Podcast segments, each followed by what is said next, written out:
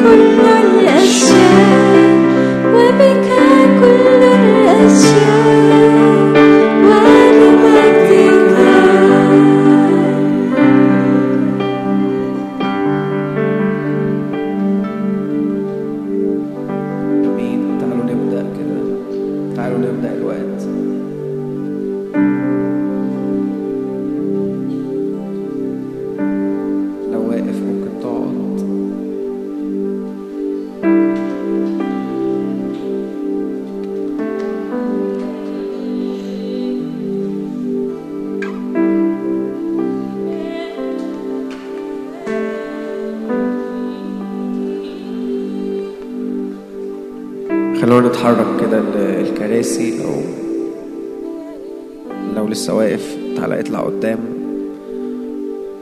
اقعد في كرسي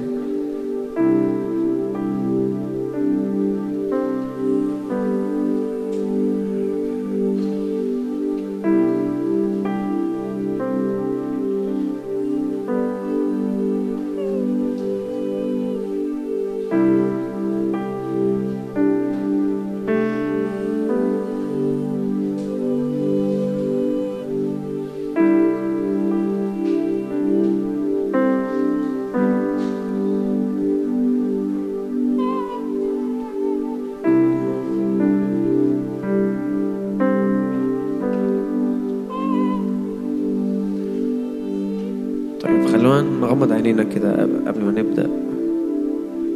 غمض عينك دقيقة كده.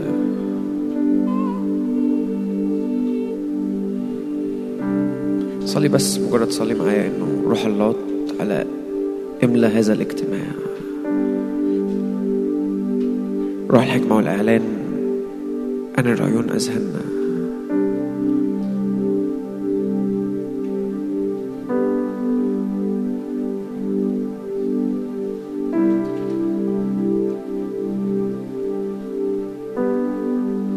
معايا كده إنه الرب يخلق فينا جوع وعطش جديد. لمقابلة جديدة للقاء جديد في هذا الوقت باسم الرب يسوع.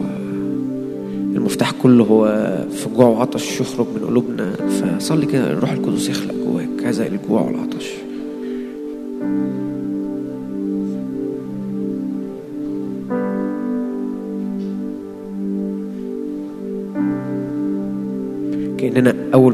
مرة نتقابل مع يسوع. جوايا الجملة دي لل- للوقت ده كأننا أول مرة نشوفه.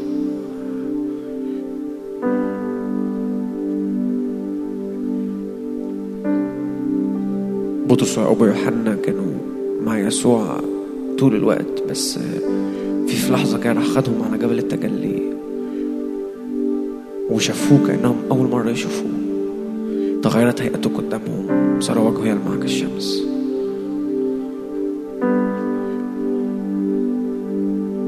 أشجعك افصل نفسك خالص عن كل اللي حواليك. افصل نفسك خالص عن أي حاجة. جوع عطش جديد باسم الرب يسوع لمقابلة جديدة. حي هو الرب الذي أنا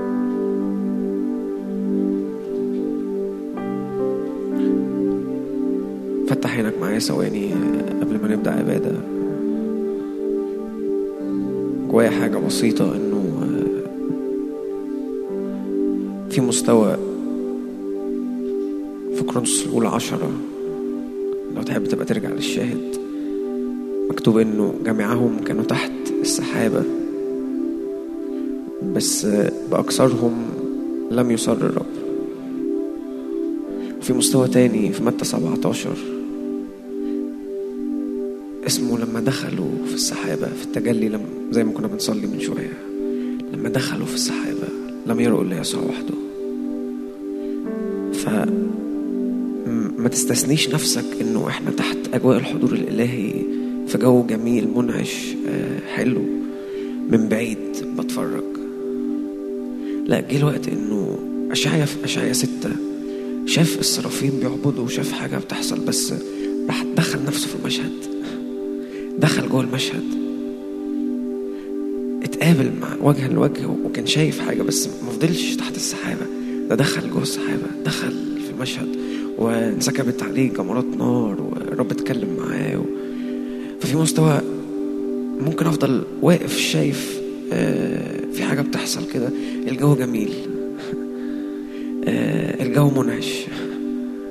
بس في مستوى تاني أنا بدخل نفسي بدخل نفسي في هذا المشهد في مشهد العرش في مشهد السرافيم. آه أنا ممكن عينيا تتفتح أشوف عبادة أشوف آه، السرافيم بتعبد أشوف آه، مشهد جميل ملقان مهابة ملقان عبادة. بس ادخل جوه السحابه اتحد بالمشهد ده. خش جوه. ما تتفرجش. وإيماني إنه آه، هذا الوقت خاص جدا إنه أخذ يسوع بطرس ويعقوب ويوحنا صعد بهم لجبل عالي منفردين.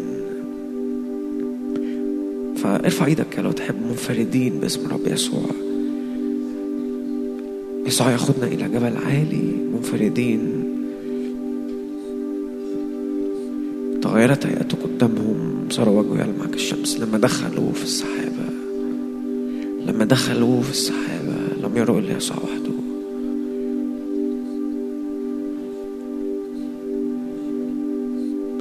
هذا نادى ذاك وقال قدوس قدوس قدوس. بس أشعيا ما وقفش يتفرج بس على السرافيم هم بيعبدوا قدوس قدوس ده. اتحد بالنار. النار بقت لمست طبيعته لمست جسده لمست فمه. أنا بصلي اتحاد في هذا الاجتماع باسم الرب يسوع. صلي الكلمة دي لو تحب معايا. اتحاد باسم الرب يسوع. ادخل جوه السحابة.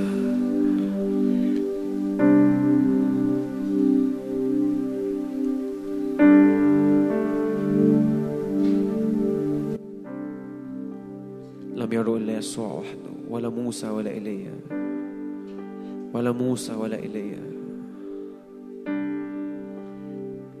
ولا موسى ولا إيليا يسوع وحده. منفردين باسم الرب يسوع. الجبل عالي منفردين.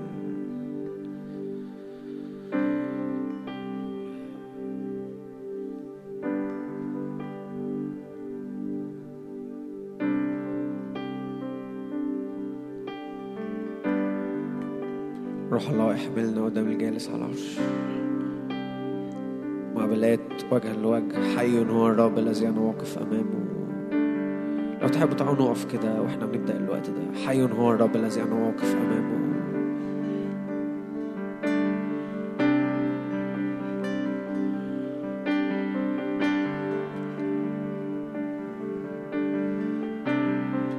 حي هو الرب الذي أنا واقف أمامه. إله مهوب جدا. إله مهوب جدا.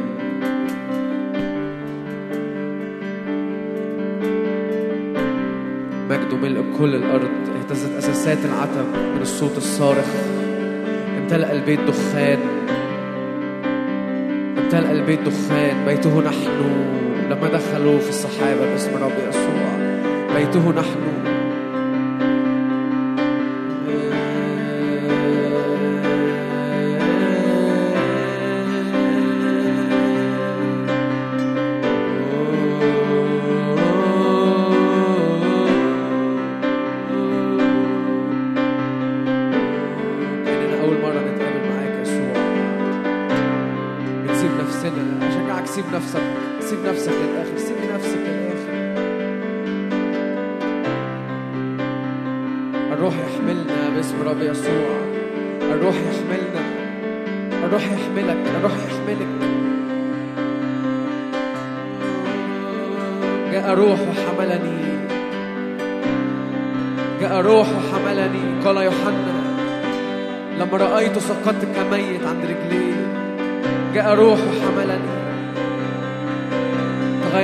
هيئته وجهه يلمع كالشمس.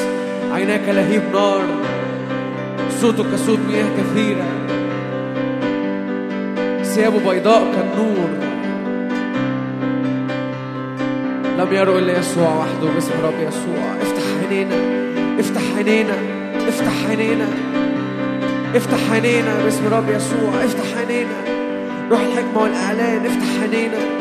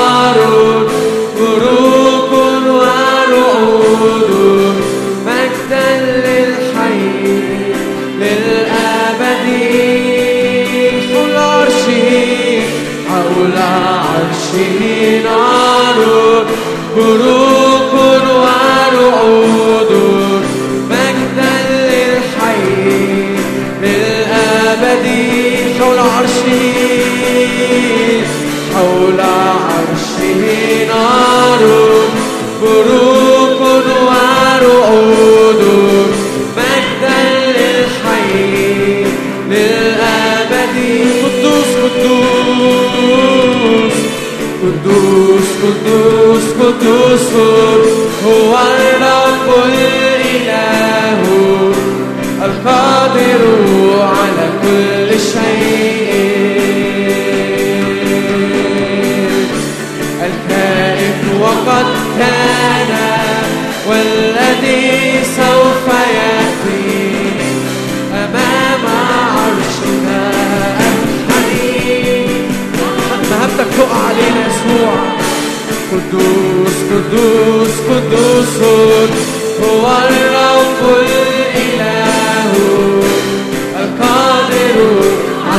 كل شيء. الكائن وقد كان والذي سوف يأتي. أمام عرشك أنحني. أعبدك وجه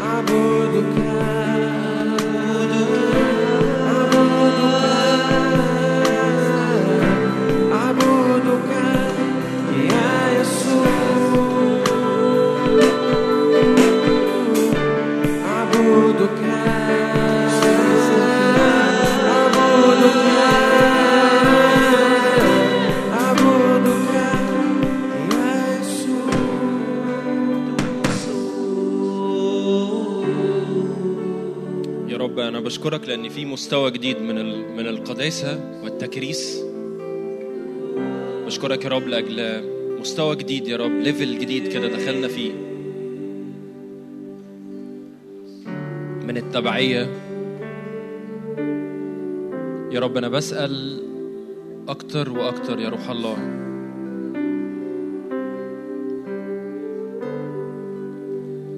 كأن من امبارح بالليل وإحنا في الشفت و- وحسيت إن في تروس نقلت جديدة ومصدق إن التروس دي م-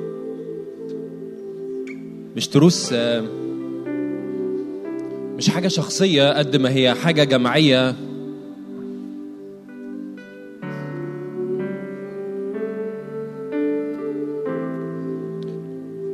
شوف جواك كده المشهد ده اني في حركة من المركبات النارية بتتحرك دلوقتي عليك. بتتحرك على أوضتك بتتحرك على كل حتة.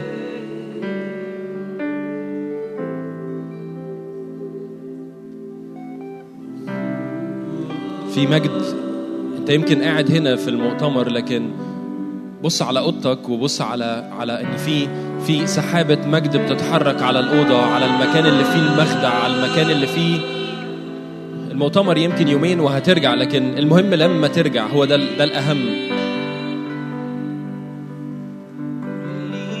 يا رب افتح عينينا يا رب عشان نشوف كل حاجة ليها علاقة بالأوضة ليها علاقة بالمخدع ليها علاقة يا رب بال بالتبعية يا رب الوقت اللي جاي.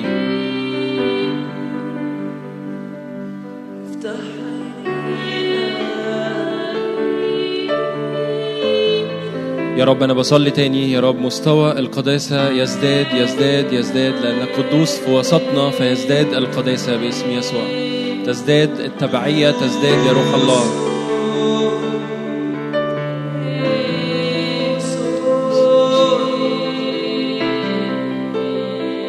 ملائكتك الحق في المكان يا رب الآن.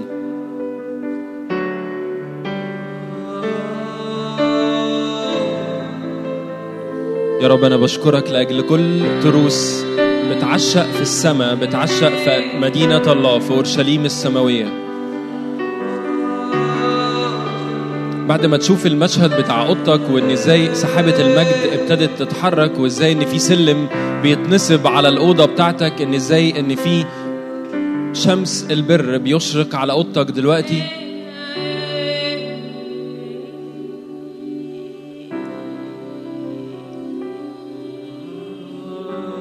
شوف كده المشهد شوف المشهد ده شمس البر.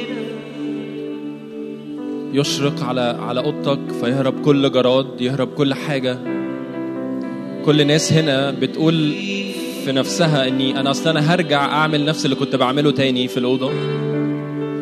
بشكرك لأني في حضور في مجد في الأوضة في سلم منصوب في كتاب مفتوح في سفر مفتوح في سماء مفتوحة في ملائكه صاعدة ونازلة. في كلمة الله الحية والفعالة. هي هي أقوى وأمضى من كل زف زيف سيف ذو حدين.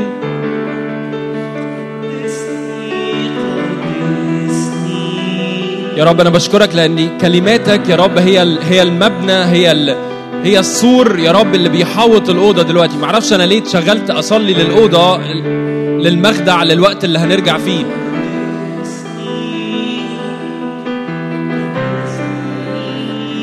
الوقت ده اطلق صلوات اطلق سهام مبرية للأوضة بتاعتك للوقت اللي جاي لل... لل... لل... لل... لرجوعك من المؤتمر للأوضة.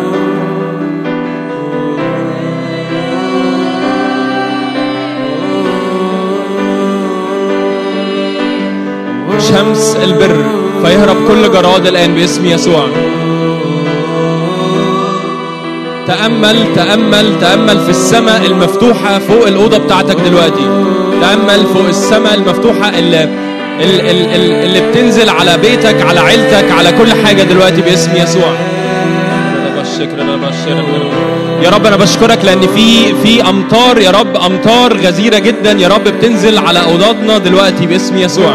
على مكان المخدع على مكان يا رب الشركة على مكان الحميمية على مكان يا رب اللي فيه عينيا بتتفتح عليك على الجالس على العرش. املى يا روح الله. املى يا روح الله. املى يا روح الله. يا رب زيت ودهنة يا رب في المكان. يا رب زيت ودهنة باسم يسوع. في أوضنا باسم يسوع. ممكن تبقى مستغرب ال- الصلوات دي. ممكن تبقى مستغرب إيه اللي حاصل دلوقتي. لكن لكن هتفهم لما ترجع البيت. هتفهم لما لما لما تدخل الأوضة وتلاقي أجواء الأوضة مختلفة لما تدرك اني إني فجأة ما كنتش بتقدر تقرأ في الكتاب الوقت اللي فات وفجأة في جوع وعطش إنك بتفتح الكتاب وتقرأ وتلهج وتقرأ مزامير وتصلي بالكلمة وتنطق بالكلمة. إن في نهر من من من من من عرش النعمة منسكب على الأوضة دلوقتي.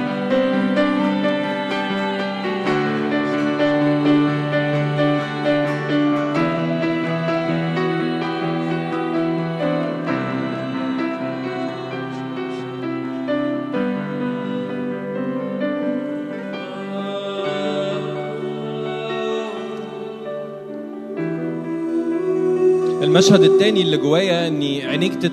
ت- ت... تتنقل على أورشليم السماوية.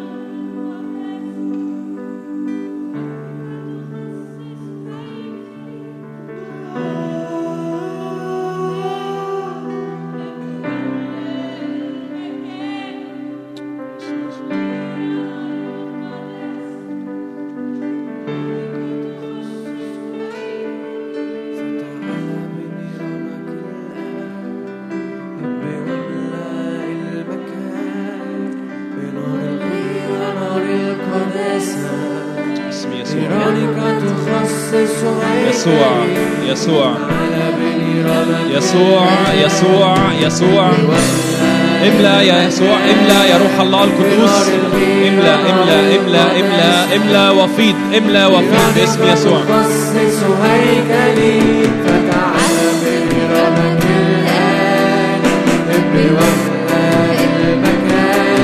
لو حابب ترفع إيدك الوقت ده استقبل استقبل استقبل القداسة النازلة دلوقتي. لو حابب ترفع إيدك و... وتجيب من اللي في السماء دلوقتي تجيب من اللي حاصل في السماء.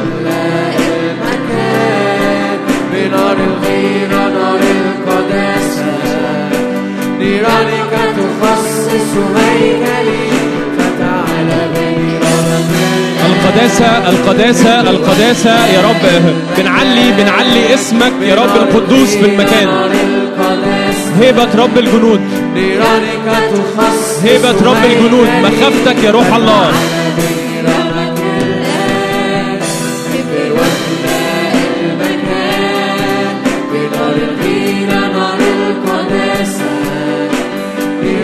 تخصص هيكلي فتعال بنيرانك الآن بوفاء المكان بنار الغيرة نار القداسة. نيرانك تخصص هيكلي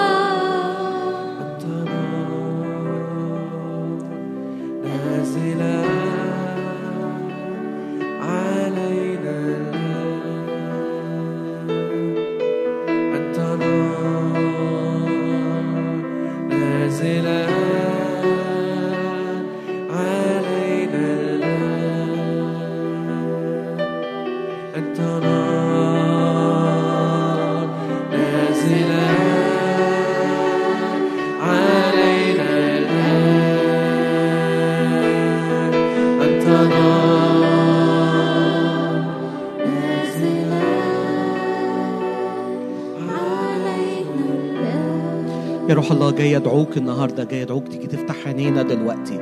جاي ادعوك تاخد كل عين وتاخد كل شخص في القاعة هنا اهوت إن أنت تاخدنا قدام العرش دلوقتي. أنا بدعوك دلوقتي أنت تاخدنا تورينا ابن الله ابن الإنسان. الجالس على عرش الله الجالس عن يمين الآب.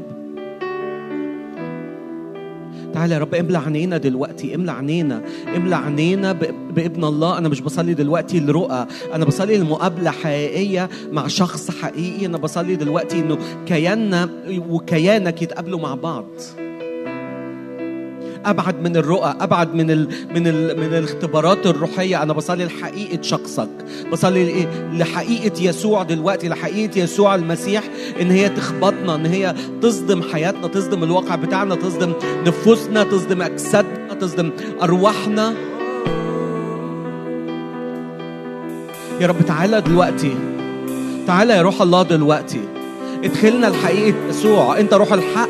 تعالى ادخلنا للحق دلوقتي. ادخلنا للحق هو يسوع. حقيقة الحياة. تعالى ادخلنا دلوقتي لحقيقة الحياة. لل definition of life لل definition of life اللي هي يسوع. ادخلنا للحقيقة دي.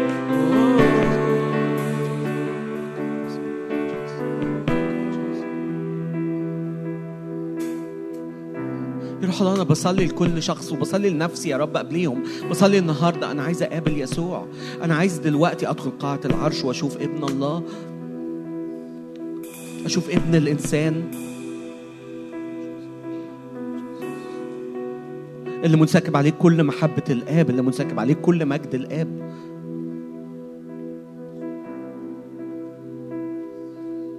يا رب أنا بصلي نفس الطلبة اللي يسوع صلاها. أيها الآب أريد أن جميع الذين أعطيتني يكونون معي لينظروا مجدي الذي أعطيتني قبل تأسيس العالم. أيها الآب أريد أن جميع الذين أعطيتني يكونون معي لينظروا مجدي الذي أعطيتني قبل تأسيس العالم. تعالى يا رب افتح عينينا فنشوف مجد يسوع. شوف المجد افتح عينينا فنشوف النهارده العريس افتح عينينا فنشوف النهارده الشخص اللي الحياة وال... متعلقة بيه مربوطة بيه. ال existence قبل حتى ال existence هو قائم هو موجود هو ممجد هو ممتلئ حياة.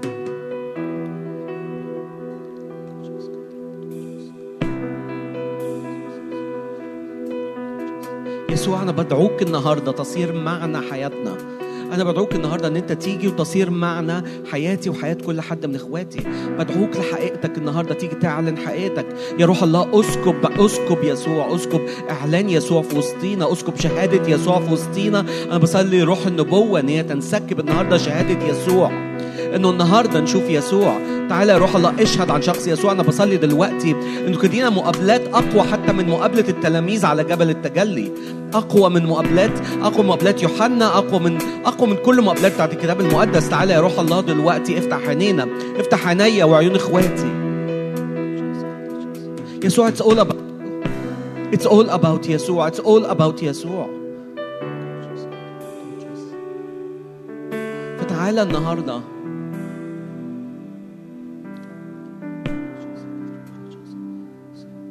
يا رب بكل نفس بكل جسد كل روح. واحد من إخواتي النهارده وبنتقدم بتقدم أمام عرشك. بقترب أنا وإخواتي النهارده قدامك في اللحظه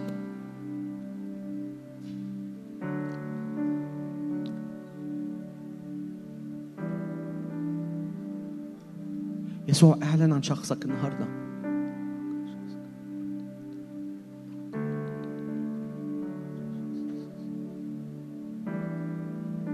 ستيب داون يا رب. يسوع ستيب داون ستيب أنتوا القاعة ديت لكل واحد من إخواتي وليا.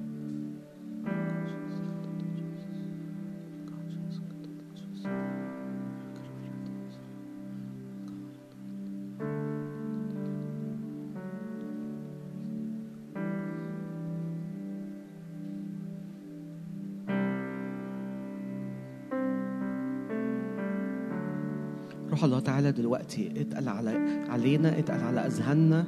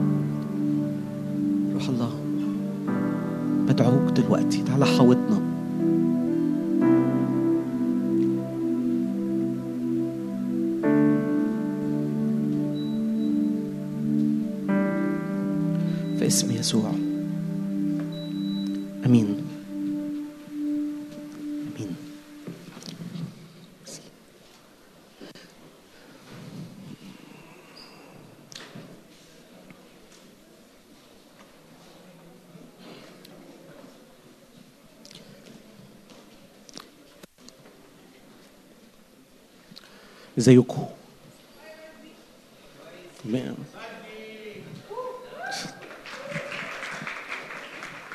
أنا بعتذر لل- للربطوية عشان بيسمعوني تاني.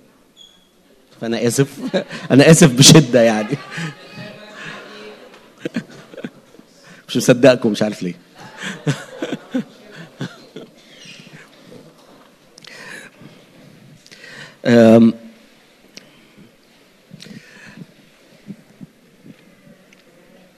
يعني بحاول اجمع بحاول أجمع أنا عايز أقول إيه لأنه الموضوع اللي أنا هتكلم عنه أنتوا طبعا بتتكلموا عن عروس المسيح من أول المؤتمر فانتوا عارفين أنا هتكلم عن عروس المسيح. مفيش مفاجأة. آه بس الموضوع ده من الموضوعات اللي الرب كلمني فيها سنين طويلة قوي قوي قوي قوي و والحقيقة وأنا بقرب من الموضوع ده زي بقرب من الوعظ عموما بكمية خوف ورعدة عنيفة. مش عارف ليه مع إني بقالي سنين طويلة بوعظ بوعظ كتير قوي ربطوا عارفين. بس بقيت مؤخرا مش مؤخرا أكتر بس مؤخرا قوي بقيت بخاف قوي وأنا بوعظ. بقيت بخاف لأن بقى عندي إحساس شديد وإدراك شديد إنه الوعظ اللي ما فيهوش شخص الرب بيعلن وعظ بيبقى فاضي. حتى التعليم وحتى لو حتى لو بقرأ حاجة لاهوتية لازم أقابل شخص الرب. فالتعليم والوعظ اللي ما فيهوش شخص الرب اللي ما فيهوش يسوع بيستاب داون اللي ما فيهوش يسوع بيجي اللي ما يحصلش فيه مقابلة. وتخرج هنا مش فاكر مين مين المتكلم ولا قال إيه بس أنت فاكر شخص يسوع. اي اي أي اكتيفيتي على المنبر وأي اكتيفيتي في الخدمة أي فترة تسبيح أي وعظة أي إعلان من الكتاب ما فيهوش يسوع بيتخايف. وطبعا لو أنتوا بتقروا الكتاب المقدس عارفين إنه المعلمين بيأخذوا دينونه أعظم. فإحنا اول رقبه بتطير. لما نقعد نحاسب هنبقى في وضع يعني كم وعظة كانت قلشة كم وعظه كم وعظة الرب ما جاش فيها. ده إحنا هن يعني هنسوح. يعني هتلاقي- هتلاقينا وشغل قاعدين على جنب كده مخلينا للآخر. آه هنفضلكم هنفضلكم دلوقتي.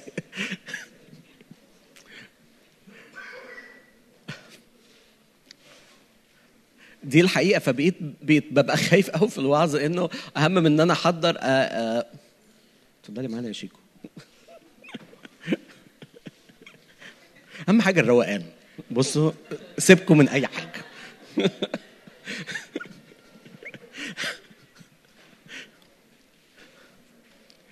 ف فأنا النهارده جاي الوعظة ديت وأنا وأنا مليان خوف ورعب عارفين عارفين يوحنا في سفر الرؤيا؟ لما شاف العروس لما الملاك وراله العروس. عارفين يوحنا كان أول رد فعل عمل إيه؟ سجد للملاك. فاهماني؟ ده ده يوحنا. يوحنا وهو عنده 70 سنة مش يوحنا ده واحد في مجموعة تلمذه هيبقى أو واحد لسه صغير قبل المسيح. فيا لهوي شفت ملاك فهيسجد له. ده يوحنا. بس هو أول ما شاف العروس هو حصل له هو was overwhelmed. عارفين؟ عارفين لما تيجي مثلا لو لو حد لو فتحت مرة الباب ولقيت واحد جاي يقول لك مبروك كسبت معانا 10 مليون وبيديك الشيك هتاخده بالحضن. مالكش أي علاقة بيه بس هتاخده بالحضن. بالحضن بس. هتسجد له برضه يمكن.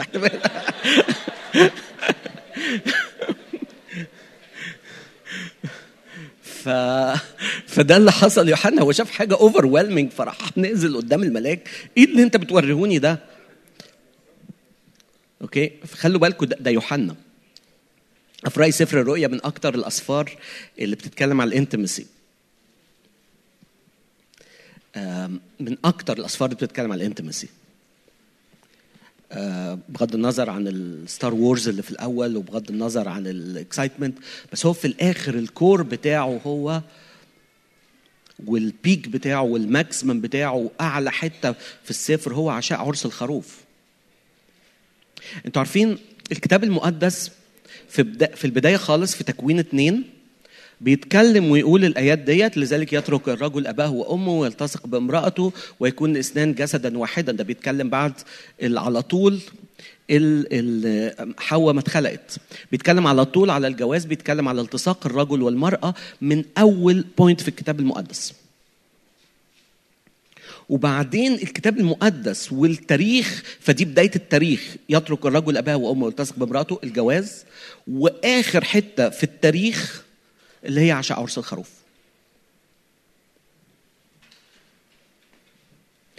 فالعروس وموضوع العروس هو الموضوع هقول لكم أثناسيوس كتب إيه؟ عشان ما, تقولوش إن أنا بهرطق فأنا هستخدم اسم كبير هو اللي قايل الكلام ده. أثناسيوس بيقول إنه البشرية مخلوقة على شكل يسوع. مش يسوع تجسد وخد شكل البشرية. الهيومانيتي مخلوقه على شكل الأقنوم الثاني فتركيبتنا دي الإنسانية مخلوقة على شكل يسوع. ليه مخلوقة على شكل يسوع؟ عشان تبقى compatible مع يسوع. عارفين في الجواز أهم حاجة هي ال matching صح؟ ألو؟ أهم حاجة في الجواز هي ال matching يا جماعة سيبكم الوعظة. أهم حاجة في الجواز هي ال matching. okay؟ ان كل حاجة تبقى متوافقة.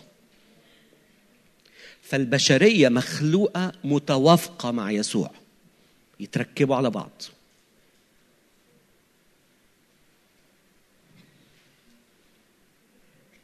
كل اللي جوانا هو اللي جواه. اثناسيوس بيقول إن يسوع هو حمل الله قبل تأسيس العالم. هو هو هو اللي بيربطنا بالآب. هو إحنا بنلتصق بيه. ده الكلام ده قبل تأسيس العالم. إحنا مخلوقين عشان نلتصق بيسوع. فلو ما كانش حصل سقوط كان زمان البشرية كلها التصقت بيسوع. كانوا هيثمروا ويكسروا ويملأوا الأرض ويبقى في مليارات برضه ويلتصقوا بيسوع. فالهدف من الخليقة هو إن الرب بيخلق جنس هيلتصق هيخلق عروس لابنه. ده اثناسيوس اللي بيقول كده مش أنا وأنا طبعا بوافق قوي على اللي هو بيقوله. عارفين عارفين في سفر الجامعة بيقول إيه؟ سفر الجامعة بيقول جعل الأبدية في قلوبهم. جامعة 3 11 حد حافظ الآية؟ التي بدونها بلاها. ما حدش اتقلبت بت- ابتدت باللغة العربية وبعد كده بتاع وهتكمل آية بالألسنة. وزي ما تفرج يعني جعل الابديه في قلوبهم التي بلا لا يعرف الإنسان ماذا يعمل من البداية للنهاية. يعني إيه؟ يعني الأبدية هي الحاجة اللي بنقدر نفهم بيها الاكزيستنس بتاعنا، بنقدر نفهم بيها أحداث اليوم، بنقدر نفهم بيها حياتنا ماشية إزاي، اختياراتنا ماشية إزاي، أولوياتنا ماشية إزاي، آه، اللي بنعدي فيه الدنيا ماشية إزاي بتاعتنا من غير الأبدية دي، الأبدية دي أكنها الميزان اللي نقدر نقيس عليه حياتنا ونقدر نظبط بيه حياتنا وهي اللي تقدر ت define الحياة. اللي تقدر ت define حياتي؟ هي تقدر ت define اللي أنا بعدي فيه؟ اللي تقدر تفهمني إيه اللي أنا ماشي فيه وايه اللي أنا آه، المفروض أعيشه وايه اللي المفروض أمشي فيه؟ الأبدية. فالأبدية ديت الكتاب المقدس بيقدم إنه قبل تأسيس العالم الله بيفكر في العروس وبعد انتهاء العالم هي العروس. من غير فهم هويتنا كعروس للمسيح ومن غير ما فهم العريس بتفضل حياتنا مش متظبطة في حتة ناقصة. فهمنا للوجود بتاعنا للواقع بتاعنا. فهمنا الايه اللي إحنا بنعدي فيه. ليه الألم؟ ليه المرض؟ إيه اللي بيحصل في العالم؟ إزاي نعيش حياتنا؟ إزاي نعمل اختياراتنا؟ إزاي إزاي نقف؟ إزاي نعيش؟ إزاي كياننا يتغير؟ نفسياتنا إزاي تتظبط؟ من ده الإيكولايزر اللي بيتظبط عليه كل حاجة في حياتنا. والإيكولايزر ده هو تلاقي من من أول الكتاب المقدس لآخره عروس المسيح عارفين بولس لما جه بيقتبس الحتة بتاع تكوين اتنين؟ وهو بيتكلم على الجواز يسوع بولس في إفسس خمسة بيتكلم على شوية علاقات ما تكذبوش على بعض ما تعملوش مش عارف إيه ما تعملوش مش عارف إيه والرجالة والستات يخضعوا لبعض والرجالة يحبوا. لذلك يترك الرجل أباه وأمه وبعدين فجأة هو أول ما قال الآية ديت زي ما المسيح بيعمل مع الكنيسة وراح قلب على طول على عروس على المسيح والكنيسة. فابتدى يتكلم على الارتباط راح على طول قلب وبعدين رجع يتكلم على الارتباط وبعدين رجع رجع تاني يتكلم. وهذا السر عظيم سر الجواز لكني أقول إنه في سر أعظم من ناحية المسيح والكنيسة إنه العروس. عشان كده يسوع ترك أباه وأمه. إيه، تعبير ما كانش عنده أب وأم يعني بس ترك. أباه ترك السماء ونزل التصق بامرأته. ده التجسد. أنتوا معايا؟ مع إنه في في في الجواز في العهد القديم الست بتترك بيت أهلها وتروح بيت جوزها صح؟ ألو؟ بس يسوع هو الوحيد اللي ترك أباه وأمه ونزل التصق بامرأته. لو بصيتوا على الآيات اللي هي موجودة في في أفسس 5 من 22 ل 32 هو بيتكلم بولس بيتكلم على دوت. كل ما يجي يتكلم على يروح يتكلم على الجواز فجأة هو مش قادر يخرج بره إنه الجواز بيفكروا على طول بالعروس والمسيح وبيفكروا لذلك يطلق الرجل أباه وأمه يلتصق بامراته زي ما المسيح بيلتصق بالكنيسة زي ما المسيح بيلتصق بعروسه زي ما المسيح بيلتصق بالبشرية زي ما المسيح عايز يلتصق بالناس. وبعدين يرجع تاني يتكلم والنساء بقى تخضع للرجالة زي بالظبط ما الكنيسة بتخضع للمسيح. والرجاله بقى يحبوا زي بالظبط ما المسيح بيحب الكنيسه. وبيتكلم على إن ده سر mystery واحد من ال mysteries من الأسرار اللي بتعلن. رسالة أفسس فيها كلمة سر دي كلمة كتير قوي. وبيقول في أفسس ثلاثة إنه المسيح بإعلان عرفني السر. فالمسيح عرفوا الأسرار دي كلها بإعلان. فواحدة من ال mysteries ديت هي المسيح والكنيسة علاقة المسيح بالبشرية. العلاقة الغريبة ديت. بتاعت ال divine being الكائن الأبدي اللي اسمه يسوع اللي قرر يبقى بشر عشان يتحد بالجنس البشري. من غير فهم التركيبة دي ومن غير فهم الالتصاق بالعريس دوت الحياة ما بتتظبطش. حياتي ما بتتظبطش.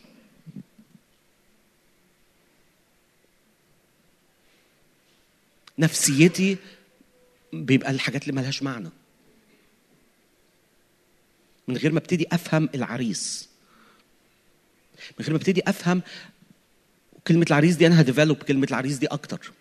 من غير ما أفهم لأي مدى شخص يسوع كإنسان يقدر يدخل جوه أعماق حياتي وي define it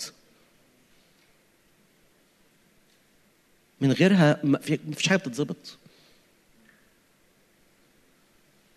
من غيرها بفضل أنا حياتي لغز رايح جاي رايح جاي مش معروف أوله من آخره.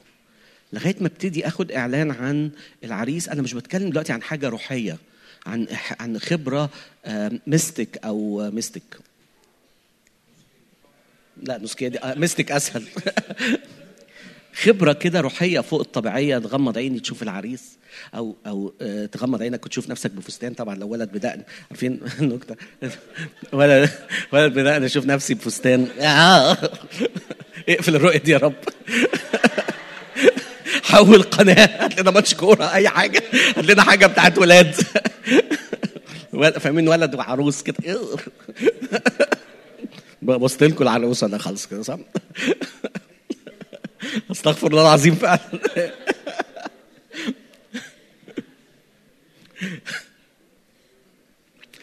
فانا مش بتكلم على رؤية كده أو صورة. طبعا البروفيتك بيكتشرز دايما بنات بفساتين وبتاع وسيوف و... يعني. أم، لا أنا بتكلم على حاجة تانية خالص. أنا بتكلم على شخص بيدخل ويشترك معايا في الوجود بتاعي وأبقى compatible معاه. عارفين في متى 11 يسوع بيقول الآيات المشهورة قوي. آه، متى 11 من 25 ل 30 عارفين الآيات دي إيه؟ تعالوا الي. يا جميع المتعبين. ثقيل الأحمال. الآية اللي بعديها بقى. احملوا نيري عليكم. وتعلموا مني لأني وضيع وديع ومتواضع القلب. فتجدوا راحة لنفوسكم. لأن نيري هين وحملي خفيف. عارفين كلمه عارفين النير ده إيه؟ عارفين النير؟ okay. النير دوت هو حاجة خشب كده بتتحط على طورين أو بقرتين عشان يفضلوا ماشيين مع بعض. عشان يفضلوا رايحين في اتجاه واحد. فكلمة نير دي مش معناها تقل. كلمة نير دي معناها اتنين مربوطين مع بعض. أنتوا معايا؟ فتخيلوا معايا يعني زمان كنا بنمثلها في أوقات إن إحنا نروح جايبين حد قصير قوي وحد طويل قوي. ونحط خشب عليهم هما اتنين وتلاقي الخشبة مايلة كده لازم عشان اتنين يتحطوا في نير لازم يبقوا طول واحد لازم يبقوا سرعة واحدة. ما ينفعش الاثنين اللي في نير ما ينفعش يبقى يبقى حيوان سريع وحيوان بطيء. النير بيجبرهم هما الاثنين يمشوا بسرعة واحدة. النير بيخليهم الاثنين مربوطين طول الوقت مع بعض. فاللي يسوع بيقوله هنا هوت في متى 11 تعالوا انزلوا تحت النير معايا النير بتاعي. تعالوا خليكوا أنا عايز أبقى compatible معاكم. النير ده يعني compatible عشان كده بيقول ما تكونوش في نير مع غير المؤمنين. عشان كده بيتكلم على الجواز إنه أكنك نازل تحت نير مع حد. ال matching. فالدعوة بتاعت متى 11 هي مش دعوة خلاصية هي دعوة تعالى امشي معايا مشواري تعالى be equal ليا. تعالى be ال partner بتاعي. تعالى خليك العروس بتاعتي. تعالى نمشي مشوار الحياة مع بعض. أنتوا معايا؟ وده اللي بيقوله يسوع وساعتها اتعلموا مني اتظبطوا عليا. لأني وديع ومتواضع القلب. وفي الوقت ده هتجدوا راحة لنفوسكم. وانتوا compatible معايا. وانتوا ماشيين معايا في نفس المشوار. هو ده اللي بي define الحياة. إن أنا ويسوع بقينا ماشيين مع بعض.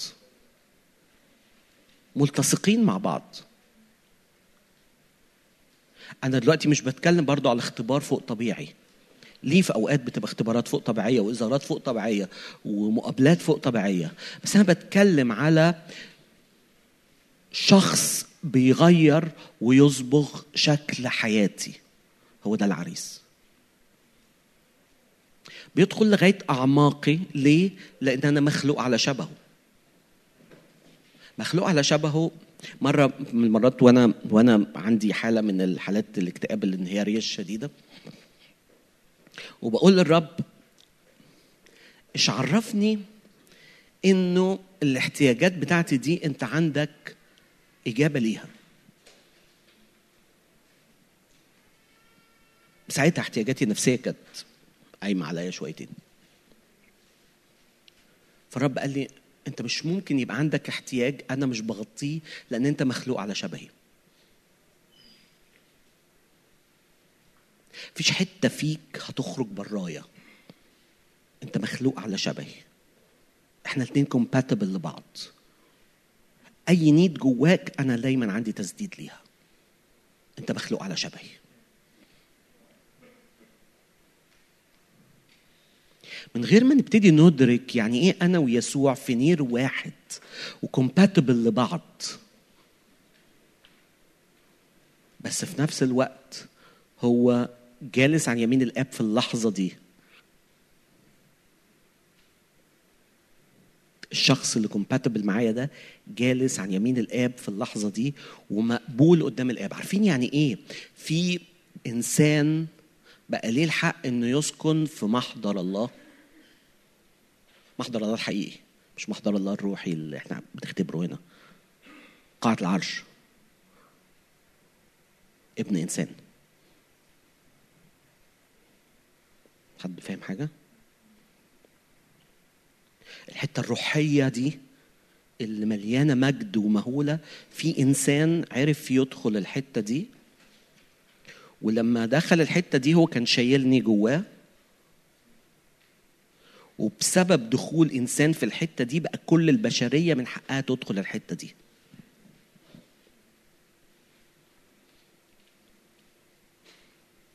إحنا مش ممكن نفهم هويتنا كعروس لغاية ما نبتدي نقابل العريس.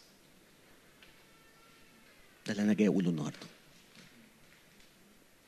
مش ممكن نفهم هويتنا كعروس من غير ما نقابل العريس.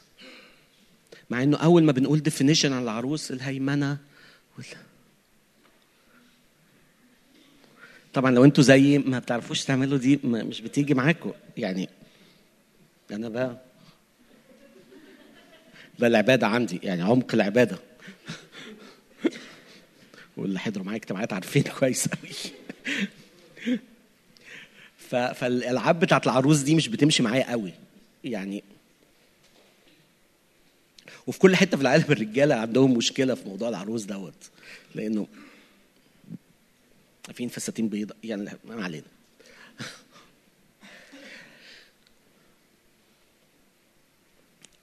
فكرة العروس هي معتمدة على العريس. العري... وجود العريس هو اللي بيخلق عروس. فاهمين؟ ده اللوجيك. البنت ما تبقاش عروسة لغاية ما واحد يتقدم لها. قبل ما واحد يتقدم لها؟ عروسة كده في حالها يعني بس بتبقى عروسة في حالها يعني.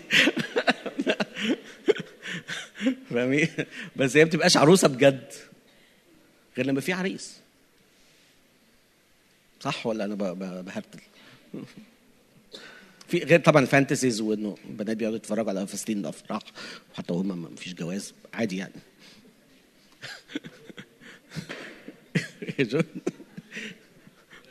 غالبا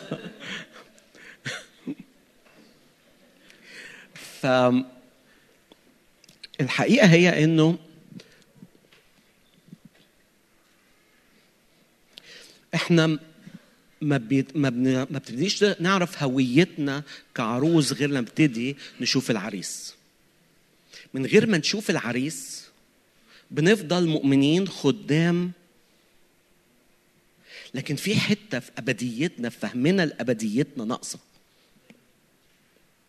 لأن أبديتنا هي إن إحنا هنعيش حياتنا في حالة في التصاق كامل مع يسوع. المرحلة اللي إحنا فيها دي اسمها خطوبة والكتاب المقدس بيسميها كده خطوبة. إحنا دلوقتي في مرحلة اسمها الخطوبة وال- والشبكة بتاعت الخطوبة دي هي الروح القدس الساكن جوانا. لغاية ما يجي في وقت ال- ال- الاكتمال العرس دوت اللي هو عشاء عرس الخروف اللي هو البيك بتاع سفر الرؤيا.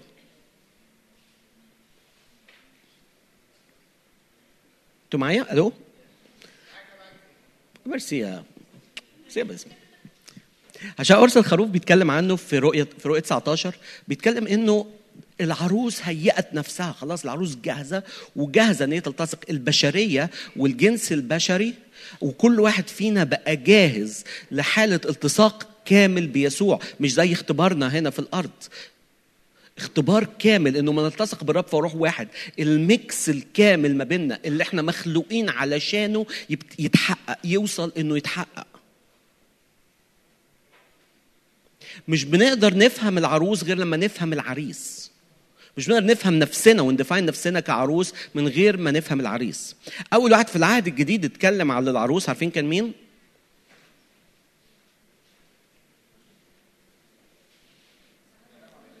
يوحنا المعمدان. أول واحد في العهد الجديد. خشع. آه.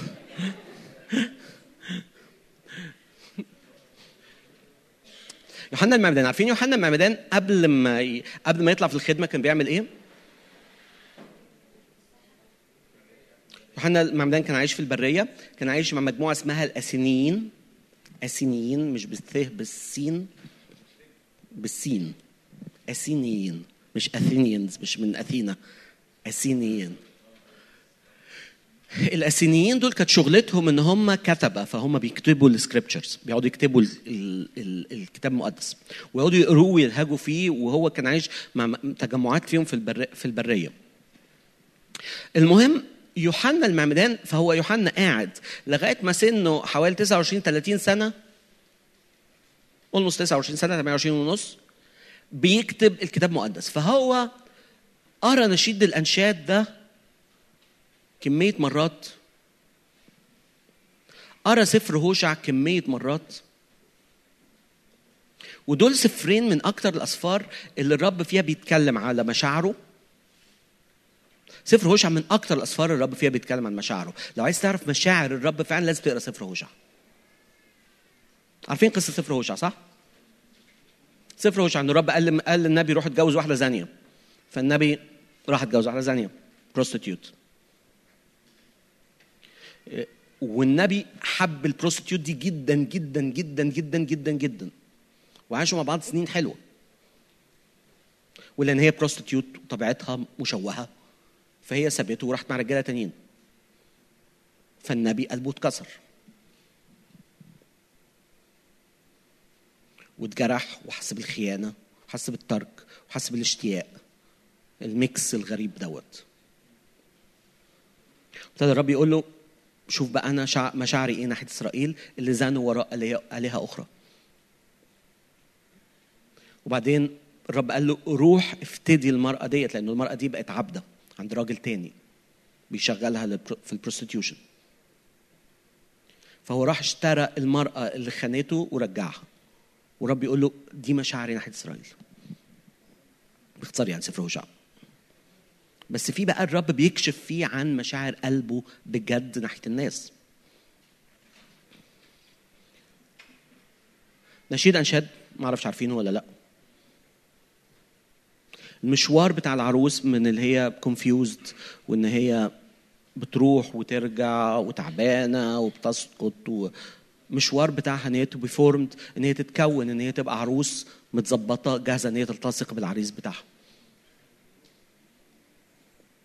فيوحنا المعمدان قاعد يقرأ الأسفار دي طول الوقت. ده الوقت اللي جاله إعلان عن العروس. فلما جه يوحنا المعمدان في يوحنا ثلاثة والتلاميذ راحوا قالوا له يا معلم الشخص اللي انت عمدته سرق منك الخدمة. عارفين؟ تخيل انت قائد كده وعندك خدمة وعندك تلاميذ حلوين وناس بيسمعوك وبعدين انت دعيت واعظ جه الواعظ دوت خد كل الناس اللي بيحضروا. وانت جيت الاجتماع ما لقيتش وع- ما لقيتش ناس. ليه مشي ورا مجدي إيميل؟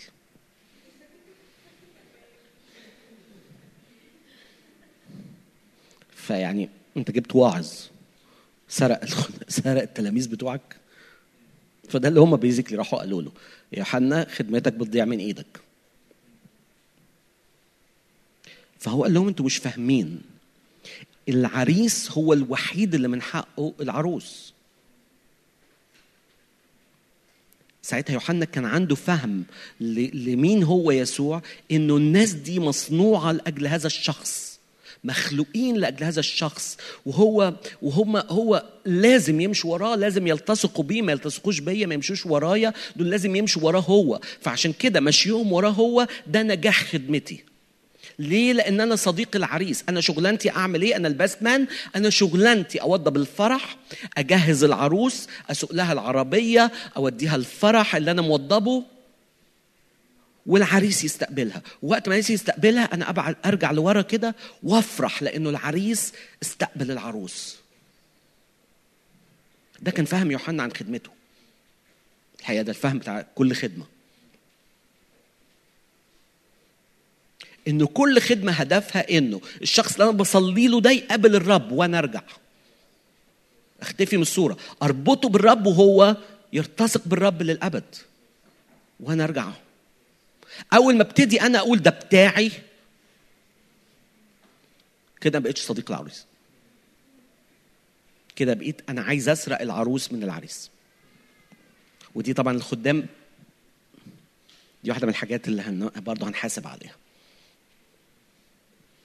قد إيه إحنا عرفنا نبروموت يسوع كعريس ونقدم العروس كاملة ليه هو وما ندافعش عنها إن دي بتاعتنا. و- أو يوحنا بيقول فرحي قد كمل. كم واحد تعرفوه في الحياة يعرف يقول إن فرحي قد كمل؟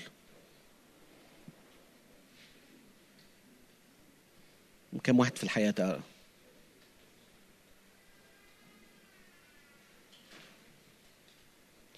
فهو بيقول إنه أنا دلوقتي نجحت. أقصى نجاح ممكن أنجحه في حياتي. ولما يسوع استلم العروس اللي هي كانت في الوقت ده إسرائيل كان هو بيجهز. يوحنا المعمدان كان بيجهز إسرائيل ليسوع. فهو جهز له إسرائيل ويسوع جه استلم إسرائيل ويوحنا رجع للظلال ومات. اتقتل. خلاص. أنا عملت.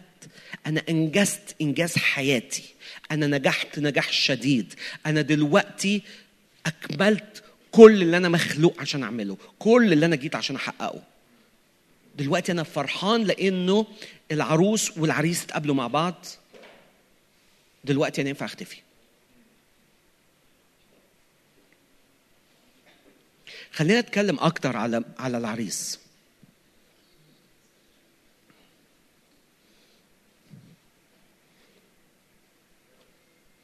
نقول إيه؟ واحدة من الأجزاء الصعبة في العهد الجديد. عارفين يسوع عمل معجزات كتير قوي قوي قوي قوي. مفيش غير معجزة واحدة اللي يسوع لعن فيها حد. كل المعجزات كان يسوع بيشفي بيتحنن بيعمل حاجات حلوة. ما عدا مرة واحدة بس لعن فيها. عارفين إمتى المرة دي؟ تينا. يسوع جه وهو ماشي. الكلام ده في مرقس 11 مرقس 11 ده بعد الدخول يعني بعد دخول أورشليم بعد حد الزعف يعني في الأسبوع الأخير اللي قبل الصليب على طول. ويسوع وصل في حتة إنه وصل الكلام دوت كان في وقت ال Easter يعني around around ابريل في الوقت دوت. عارفين التين بيطلع إمتى يا جماعة؟ الناس اللي بيشتروا تين أو بياكلوا تين أو بيحبوا التين. على آخر الصيف كده على سبتمبر صح؟ خريف. سبتمبر أكتوبر. ده وقت التين. شهر إبريل يسوع عايز ياكل تين.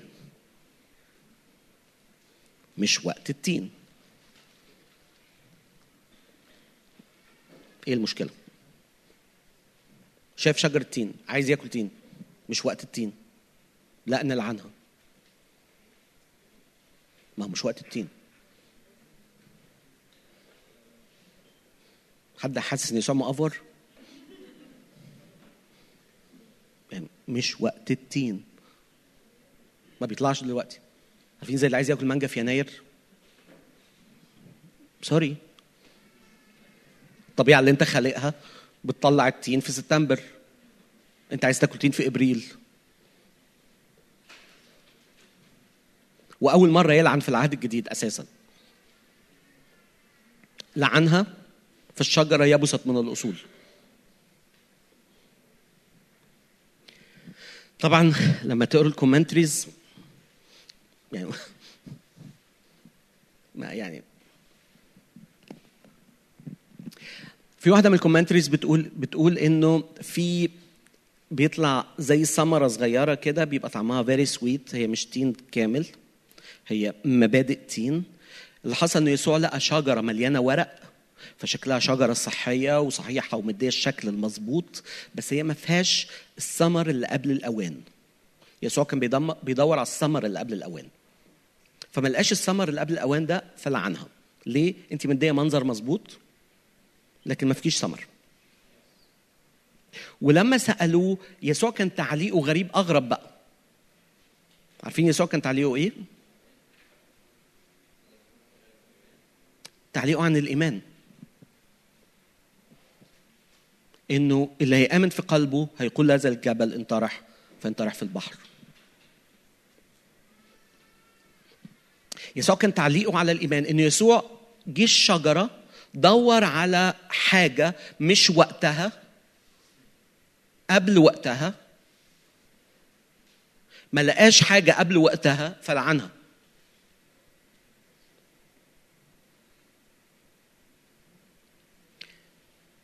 فدي معجزة. تاني يوم بقى يسوع قاعد مع التلاميذ مرقس 13 مرقس 13 بيتكلم عن إيه يا جماعة؟ حد عارف؟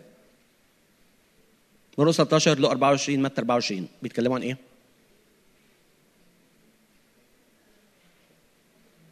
end times الأيام الاخيره اتفرج على فيديوهات جون هتفهم على طول ال end times ال end times الأيام الأخيرة. بيتكلم على الأيام الأخيرة اللي قبل مجيئه مرة تانية.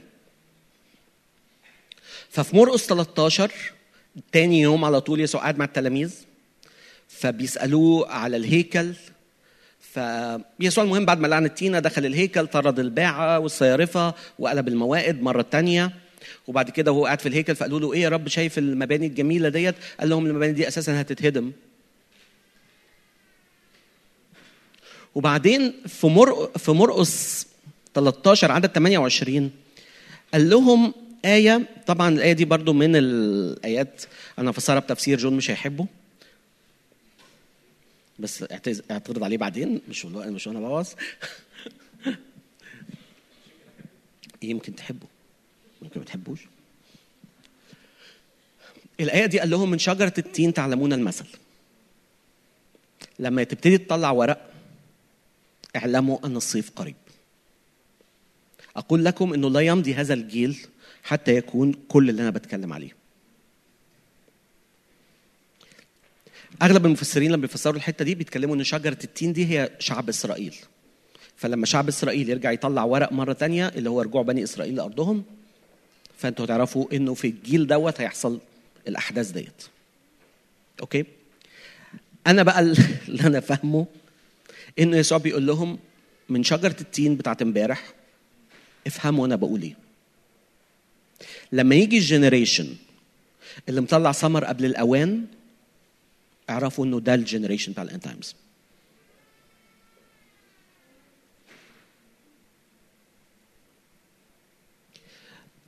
ال maximum بتاع العلاقة بتاعت المسيح والعروس. ركزوا معايا في الحتة دي. هو إمتى؟ بعد عشاء عرس الخروف. بعد عشاء العرس الخروف هنختبر يسوع. هيمسح الله كل دمعة من العيون. الموت لا يكون فيما بعد لا يكون وجع لا يكون في ألم لا يكون في صراخ. الأمم بتشفى. ده كل ده بعد عشاء عرس الخروف. بس في generation هيجي هيختبر ملامح قبل الوقت. في generation هيجي هيعرف يسوع اللي بعد ال line. اللي بعد ال finish line هيعرف يسوع بطريقة ما فيش generation قبل يعرفها. هو ده هيبقى العذراء هيبقى العروس الكاملة. أنتوا معايا؟ في جيل هيختبر يسوع اللي عارف يدخل في النفسية بطريقة عمره ما دخلها قبل كده. في جيل هيجي عارف يسوع اللي بيشفي الأجساد بطريقة ما اتشافتش قبل كده. في جيل هيجي عارف يسوع اللي بيقيم الموتى. في جيل ومش هيبقى ورق بس هيبقى ورق بثمر قبل الأوان. هو ده الإيمان. عشان كده يسوع بيدور على الإيمان. متى جاء ابن الإنسان لعله يجد الإيمان على الأرض لعله يجد جيل ملتصق بيه متحد بيه بالطريقة ديت.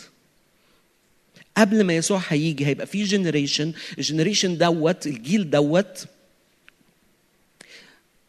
مختبر يسوع بطريقة ما فيش أي جيل تاني اختبره قبل كده.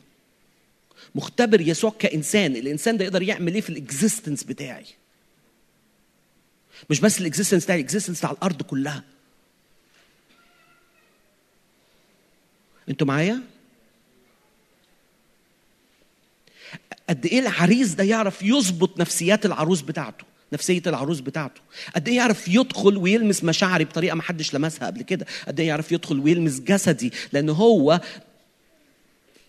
اجتاز الصليب جسده اتكسر قام بجسد ممجد. فهو يعرف يشفي الأجساد. لأن هو الوحيد اللي عنده جسد ممجد. فملامح جسده الممجد ده تتوجد في ناس. لأن هو كسر الموت فالناس بتوعه يختبروا قيامة من الموت. even قبل الوقت. ده لازم يختبروه قبل الوقت. ألو؟ أنتوا معايا؟ هيجي generation يختبر قد إيه يسوع يقدر يدخل في الجنس في عمق الجنس البشري. أنا مش بتكلم دلوقتي على اختبار كنسي. أنا بتكلم على الناس اللي في الشارع. قد إيه يسوع يعرف يدخل لأعماق نفسياتهم؟ هتبقى دي كرازتنا.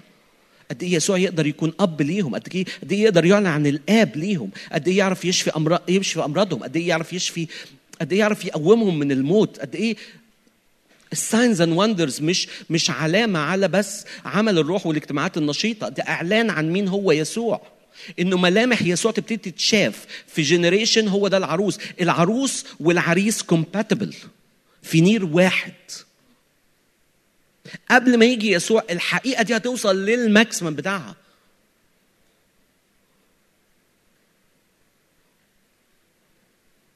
لا يمضي هذا الجيل حتى يكون الكل.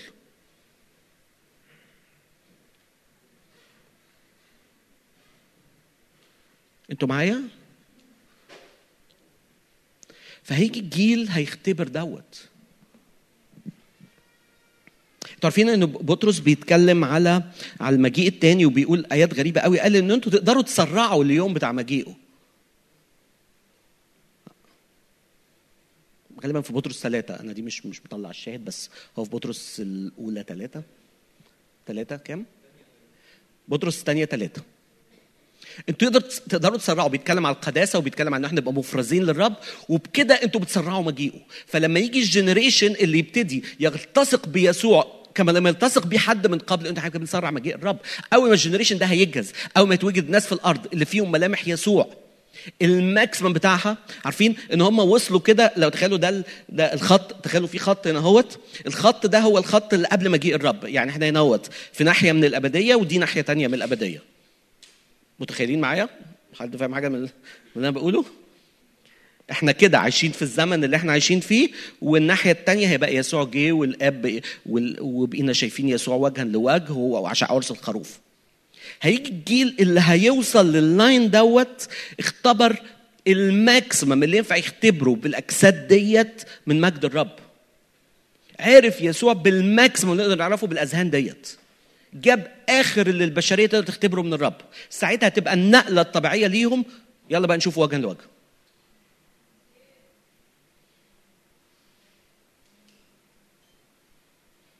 هي دي العروس المجيدة.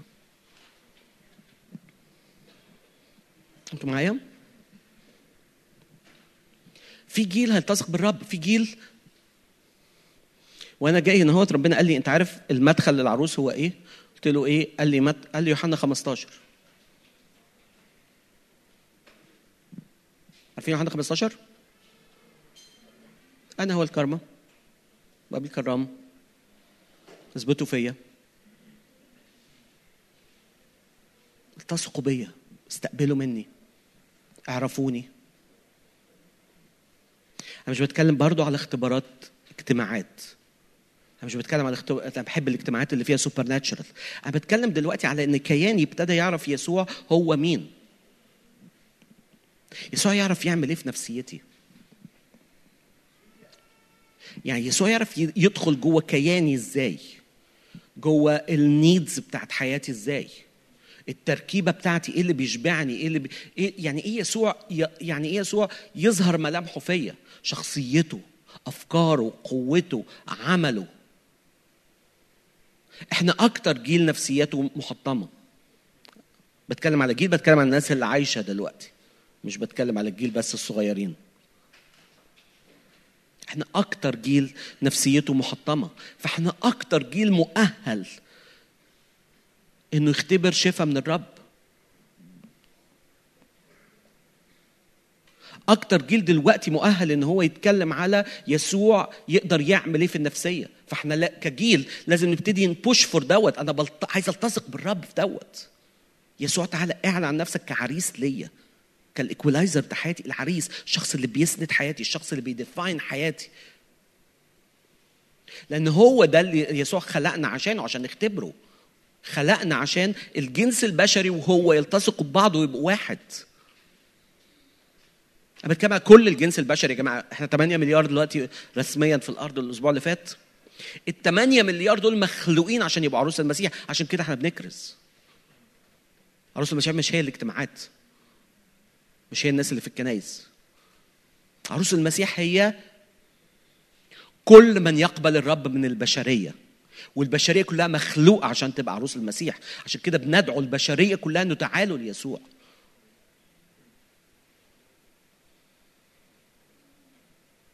فاهميني فكل بشرية مرشحة إن هي تبقى عروس المسيح.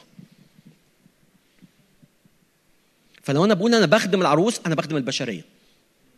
ولما أنا بقول أنا عايز أعرف الرب أنا بعرف الرب والمعرفة اللي أنا بعرفها للرب بقت متاحة في الأرض. كل مرة بختبر شفاء من الرب لنفسيتي الشفاء للرب لنفسيتي ده بقى متاح في الأرض. بقى في حتة من ملامح العريس. كل مرة بختبر شفاء في جسدي في حتة من ملامح العريس. لأن هو اللي جسده ممجد هو اللي كسر الموت. كل وقت بنختبر في سماع صوت الله إحنا بنختبر حتة من العريس. كل مقابلة مع الرب كل انسكاب لمحبة يسوع بالذات إيه، مقابلة مع العريس. وهو ده اللي بيوزن حياتنا هو ده اللي بيدي حياتنا معنى. وهو ده اللي بيدي البشرية معنى لأنه البشرية كلها it's about يسوع لأن هي مخلوقة ليسوع. البشرية كلها مخلوقة ليسوع.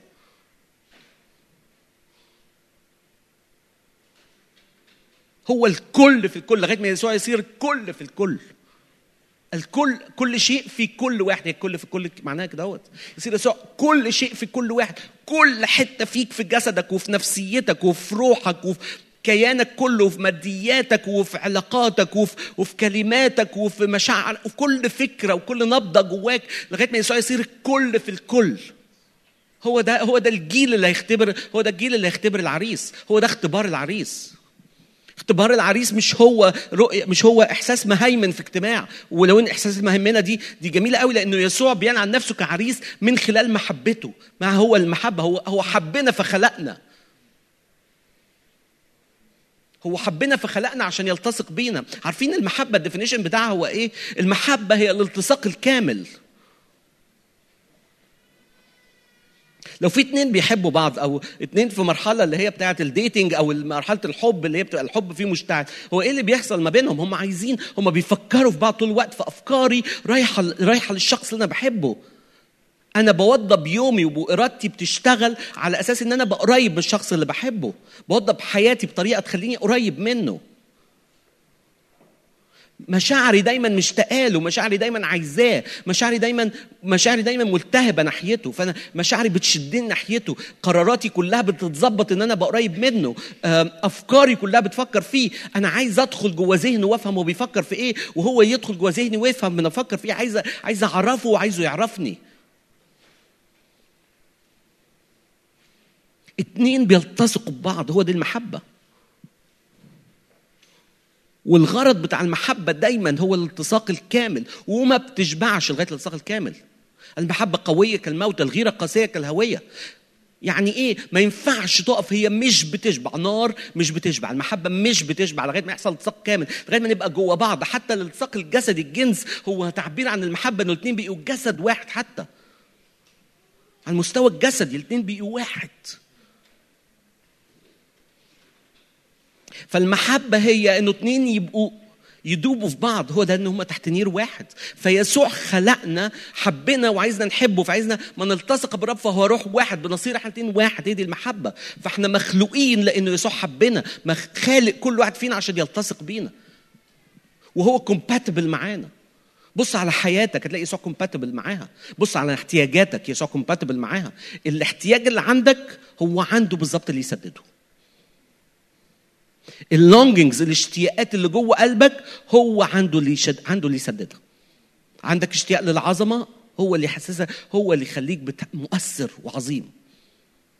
عندك اشتياق إن أنت تنبهر هو الوحيد اللي يقدر يخليك منبهر وإكسايتد. عندك اشتياق تتحب هو الوحيد اللي عنده المحبة اللي تقدر تشبع أعمق حتة في كيانك. أنتوا معايا؟ الرب مش هيجي والعروس مش هتكمل غير لما- تلاقي كل حاجة في يسوع. ويبتدي يسوع يتجسد ملامحه متجسدة من خلال كل واحد. كل واحد فينا في إعلان عن العريس. لا يمضي هذا الجيل لغاية ما الرب يجي يقول أنا جاهز أجي.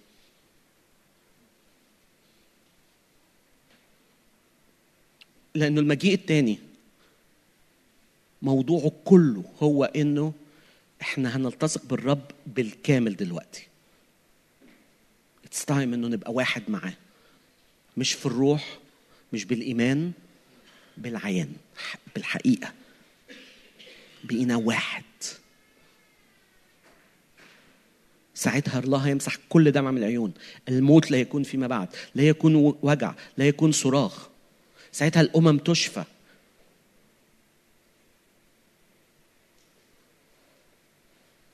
ده لما يسوع يجي. وقبل ما يسوع يجي في جيل هيختبر دوت قبل وقته. يوم ما تشوفوا الجيل ده موجود اعرفوا إن الرب قرب. يوم ما تبصوا وتشوفوا يسوع بقى معروف في الاجتماعات بتاعتنا والناس بتدخل من بره تقابل شخص يسوع وتتخبط بيه يوم ما تشوفوا يسوع بيكرز بيه بجد مش بيكرز برسالة برسالة خلاص بس. بيكرز بيسوع شخصيا. ودي وده موضوع ليوم تاني. بيعلن يسوع في الشوارع. يوم تشوف يسوع بيعلن في المولز من خلال كل واحد مؤمن. يوم ما تشوف يسوع بيعلن في الكليات يوم ما تشوف يسوع بيعلن في الأشغال بيعلن في العائلات يوم ما تشوفوا كل واحد تبص على إخواتك وأصحابك اللي قاعدين جنبك وتشوف ملامح يسوع كما لم تراها من قبل. اعرفوا إنه ده الجيل اللي جاهز. لو النهارده ابتدينا نطلب يسوع بطريقة ما طلبناهاش قبل كده يبقى إحنا بنسرع الوقت. لو ابتدينا نفرز حياتنا ليسوع النهارده ندي حياتنا ليسوع نيجي نقترب من الشخص ده عايزين نمتلئ بيه عايزين نمتلئ بأبوته عايزين نمتلئ بمحبته عايزين نمتلئ بهو مين؟ إحنا كده بنسرع الوقت المجيء يسوع. لأن إحنا بنزقه بنقرب من ال line. خلاص. إحنا عرفنا يسوع ال maximum اللي ينفع يتعرف في هذا الجسد بهذه ال limitation. it's time دلوقتي خلاص إنه الجسد ده ينتهي ون- ونشوف يسوع بطريقة تانية. في يسوع يرجع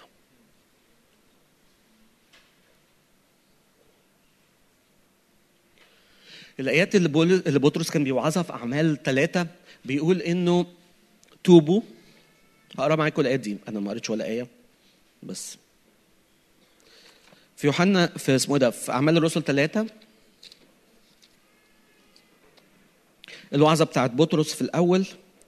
آه، أول وعظة خالص بعد بعد يوم الخمسين. لا تاني وعظة. بعد ما شافوا اسمه إيه دوت بعد ما شافوا الراجل المفلوج الأعرج. في عدد 19 توبوا وارجعوا لتمحى خطاياكم. أعمال 3 19 توبوا وارجعوا لتمحى خطاياكم. لكي تأتي أوقات الفرج من وجه الرب ويرسل يسوع المسيح المبشر المبشر به لكم قبل الذي ينبغي أن السماء تقبله إلى أزمنة كل شيء. التي تكلم عنها الله بفم جميع أنبيائه القديسين منذ الدهر. بيقول كده توبوا وارجعوا فتمحى خطاياكم. عشان تيجي أزمنة الفرج من وجه إلهنا. طبعا العربي إنه تيجي أزمنة الفرج دي times of refreshing أوقات الانتعاش. من وجه إلهنا من ال presence of God تأتي توبوا وارجعوا. تمحى خطاياكم؟ تأتي ازمنه الانتعاش من محضر الله لأنه ينبغي إن السماء تقبل يسوع وإن يسوع يفضل في السماء. لغاية عشان ما ما أعكش في الآية خليني أرجع لها.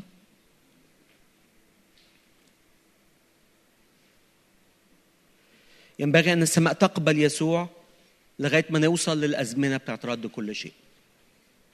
الآية دي بتقول إيه؟ بتقول إنه لما ترجعوا للرب هتأتي عليكم أوقات انتعاش هتأتي عليكم نهضات هيأتي عليكم انسكاب للروح القدس. وانسكاب الروح القدس ده هيفضل مستمر لأن يسوع لازم يفضل موجود في السماء وأزمنة الانتعاش دي شغالة لغاية ما هنوصل لأزمنة رد كل شيء إنه أزمنة اللي كل حاجة بيتعمل لها reset وبنرجع تاني لل original design كل وقت بيجي انسكاب للروح هو هدفه إنه يقربنا من الوقت اللي يحصل فيه أزمنة رد كل شيء يقربنا من ال line دوت. كل مرة فيها انسكاب للروح كل اجتماع فيه انسكاب للروح بيقربنا من ال line دوت كجسد للمسيح. كل مرة في خلوتي بقابل الرب يقربني من ال line دوت. ازمنه الانتعاش انه يجي عليا الروح القدس انه يجي عليا انسكاب للروح القدس انه يجي انسكاب للروح في اجتماعاتنا انه يجي نهضة انه ناس تعرف الرب. كل ده بيقربنا من أزمنة رد كل شيء إنه يسوع هيفضل في السماء لغاية ما نوصل لل line دوت. واللي, بيجهزنا ال line دوت هو انسكاب الروح القدس. فكل ما الروح القدس بيجي عليا هو بيقربني من دوت. كل ما الروح القدس بيعلن لي عن الرب كل مرة بسمع صوت الرب بوضوح أكتر. كل خطوة باخدها من الرب. كل ج... كل مرة خصوصا الأوقات بتاعة النهضات خصوصا الأوقات بتاعة أزمنة الانتعاش. النهضات الانسكاب الروح القدس. دايما كانت كل النهضات في التاريخ فيها component مهم قوي أو فيها مكون مهم قوي اسمه إنه تكميل العروس ومجيء الرب مرة تانية. كل النهضات كان فيها كان فيها ال component دوت. كان فيها المكونين دول. وكلهم دايما بيتكلموا أكنه الرب جاي بكرة.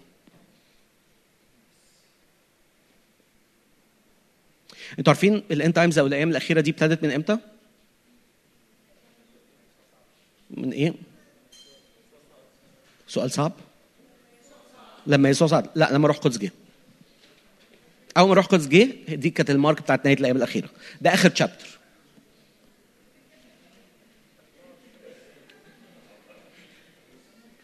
okay فإحنا دلوقتي في آخر chapter اتميز بانسكاب للروح القدس في أوله وحلقات من انسكاب الروح القدس حلقات من انسكاب الروح القدس. كل حلقة بتكون العروس أكتر من الأول. كل حلقة بتجيب معرفة الرب أكتر من الأول. كل حلقة بتجيب معرفة يسوع أكتر من الأول. كل حلقة من انسكاب الروح القدس بتجيب ملامح يسوع أكتر من الأول.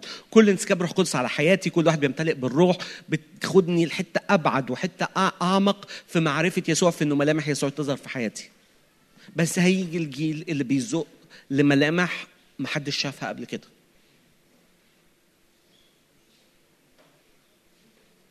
اللي هيقف ويقول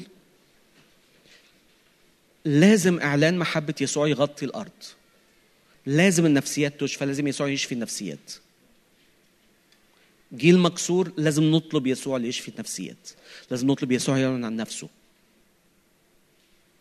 ناس بتموت وأوبئة لازم نطلب يسوع اللي بيوقف الموت واللي بيوقف الأوبئة. حروب لازم نطلب يسوع اللي بيوقف دوت. اللي بيتدخل في دوت. لازم نطلب وجه يسوع. إيه اللي جواه؟ هو بيعمل إيه؟ هو مين؟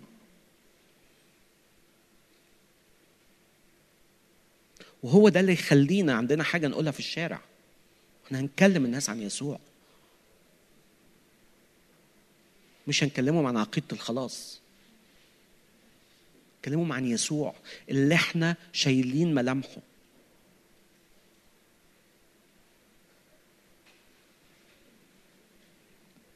هي دي العروس. هي دي العروس الممجدة. هي عروس في نير واحد مع يسوع. هي مستندة على حبيبها. هو يسوع عريسها الكل في الكل بالنسبة لها. بس هو أبعد من مجرد المشاعر. هو حاجة أعلى أعلى أعلى بكتير. الحب هو اللي بيحكم الموضوع. استقبال محبة يسوع. عشان كده كل مرة يسوع بيجي يقول لك وانت بتصلي أنا بحبك. هو مش ما عندوش حاجة يقولها. كم واحد لما يبتدي يصلي رب رب يبتدي بإنه يقول له أنا بحبك. صح؟ ها ادخل يا رب في اللي بعده. ما عارفين. كم واحد بيقول له الجملة دي برضو زيي ها إيه بقى؟ أكنه بحبك دي يعني بسم الله الرحمن الرحيم. الدباجة اللي في الأول اللي هو دير مجدي بحبك. ندخل بقى في الموضوع. قامة بدخل في الموضوع بعد كده. بالنسبة للرب هو ده الموضوع. وجوه الموضوع ده اسمه أنا وأنت هنصير واحد. ده الموضوع بتاع إنسانيتك. وده الموضوع بتاع إنسانيته هو. أنت مخلوق عشان كده. أنت مخلوق على شبه عشان إحنا الاثنين نبقى واحد. مخلوق على شبه عشان إحنا الاثنين نبقى كومباتبل مخلوق على شبه عشان إحنا الاثنين نعرف نركب في بعض. للأبد. هي دي الأبدية. إحنا الاثنين راكبين في بعض. معرفش الأبدية مش هنبقى واقفين بنسبح. آه عارفين على على سحاب كده. وعندنا جناحة صغيرة. قصاره كده. sorry أنا ببوظ ال images ال... ما أعتقدش هي دي الأبدية قوي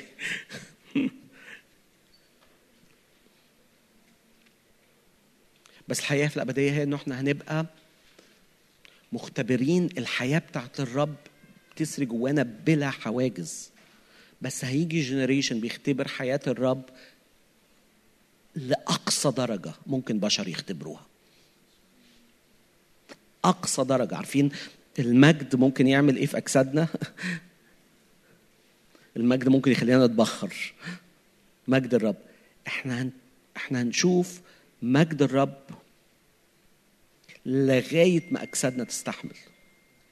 ممكن ناس مننا يبقوا زي إيليا أجسادهم خلاص ما استحملتش فاتاخدوا ممكن ناس زينا يبقوا زي أخنوخ اللي راحت منه. في أخنوخ طلع من بيته الصبح لم يوجد. الله أخذه. عارفين أخنوخ؟ ال- في سفر مكتوب اسمه سفر أخنوخ. ما أعرفش هاو اوثنتيك يعني أو قد إيه مظبوط بس بيقول إن أخنوخ كان بيروح في مقابلات مع الرب وبيروح مقابلات في السماء لأيام كتيرة قوي وابتدت الأيام اللي وجوده في السماء فيها تزيد عن أيام وجوده في الأرض. طبعا سفر اخنوخ ده مليان رؤى مهولة عن يسوع وعن الرب وكده. فاخنوخ دوت فضل يروح السماء كتير قوي لدرجة إنه خلاص بقى وجوده في السماء أكتر من وجوده في الأرض. ففين جون؟ في السماء. كلموا بعدين. يا جماعة عايزين جون. معلش أصله في السماء. هلا بقى تقول لك في السماء. دلوقتي هيرجع لكم إن شاء الله. ما أعرفش آخر مرة راح السماء رجع بعد أسبوع. ما أعرفش بقى دلوقتي هيطول قد إيه. لغاية ما في يوم لم يوجد جون. لأن الله لأنه قعد جه في السماء قال له ما تقعد بقى ما أنت بتبقى بقى خليك قاعد. خلاص. أديني اهو قاعد خلى بقى تبقى تتصرف ربنا معاها يعني. فمين هو ده؟ سفر أخنوخ بيقول كده على أخنوخ فعلا إن هو راح السما في مرة ما رجعش.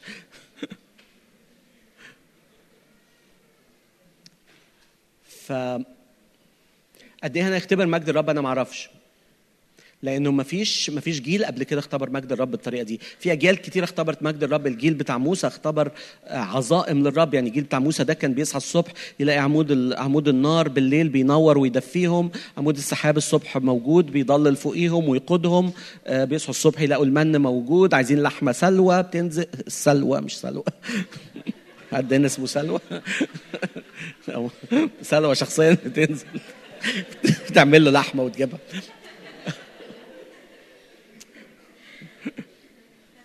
عمل سلوى النهارده عاملة محشي. مش عاملة لحمة. ف لا اللحمة الطيور بتنزل تستقر كده ياخدوها يشووها وي- وياكلوها. فده جيل اختبر عجائب الرب كحياة طبيعية يوم وعارفين الجيل دوت جزامهم ما كانتش بتدوب. 40 سنة بيلفوا في البرية الجزم بتاعتهم مش بتدوب اللبس بتاعهم مش بي مش بيتهري مش بي مش بيقدم. في 40 سنة اللبس بتاعهم مش بيقدم 40 سنة الجزم مش بتدوب 40 سنة آم، إيه؟ فهم المعجزات كانت حياة ده جيل الجيل بتاع الكنيسة الأولى كانت برضو المعجزات جزء من حياتهم اليومية. هم بياخدوا كلينكس ويشفوا بيه ناس. آه، بولس مسح العرق بتاعه. ياخدوا كلينكس يشفوا بيه ناس.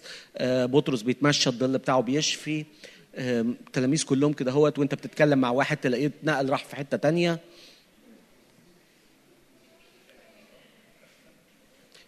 فاهماني؟ دي الكنيسة الأولى. واللي اتنقل ده أساسا من اللجنة الإدارية. ده مش قائد.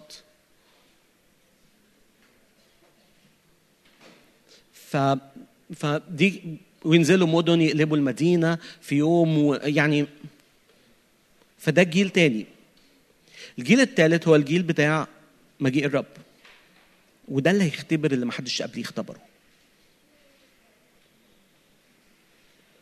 لأن ده اللي هيبقى أقرب جيل لحقيقة الرب. وهي دي العذراء العروس الكاملة اللي بس مختارة يسوع. أمين؟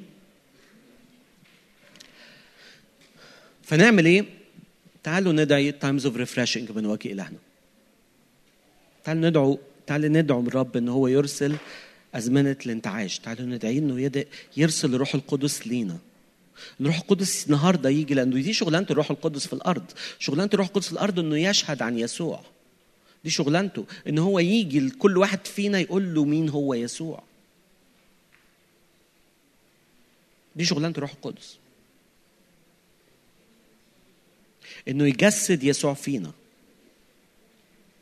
إنه يسوع يتجسد فينا بكل حتة فيه. إنه ينقل لينا شخصية يسوع تبقى مؤثرة فينا. إن هو يخبرنا عن يسوع. فالنهاردة لو جيت لروح قدس قلت له يا روح الله أنا عايز أفهم إزاي يسوع بيشفي النفسية. هيبتدي يفهمك ده بيعمل إيه. لو جيت قلت له يا روح الله أنا عايزك النهارده تفهمني يعني إيه يسوع بيكسر الموت. هيبتدي يفهمك. مش في قعدة هياخدك مشوار. بس هتنتهي المشوار ده انه أنت عارف تصلي الموتى إن هم يقوموا. يوم ما تبتدي تطلب الرب إنه يتكلم. لإزاي الرب بيشفي النفسية. هينتهي المشوار ده إن أنت عارف تصلي للناس اللي عندها أمراض نفسية والأمراض النفسيه بتتكسر. أمراض نفسية زي امراض زي أي أمراض بتشفى. زي ما الكانسر بيشفى الاكتئاب بيشفى التوحد بيشفى. بس لغاية دلوقتي إحنا لسه ما سألناش الرب على العمق ده فيه. مع إننا أكتر جيل محتاج دوت. أنتوا معايا؟ فتعالوا نطلب روح القدس. تعالوا تعالوا نعطش ليسوع. تعالوا نعطش إن يسوع يغزو الوجود بتاعنا. العريس ينزل في الوجود بتاعنا. ي define ال existence ي define الوجود بتاع حياتي. أمين؟ تعالوا نقف. أنا عارف إن أنا طولت وأنتوا تعبانين.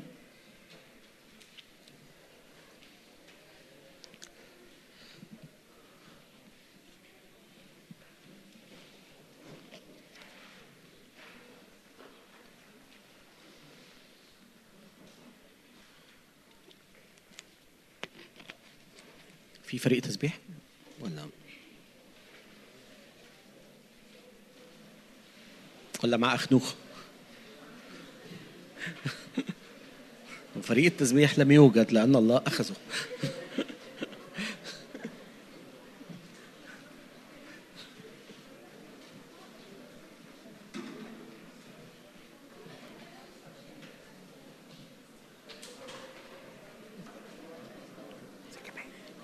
عامله إيه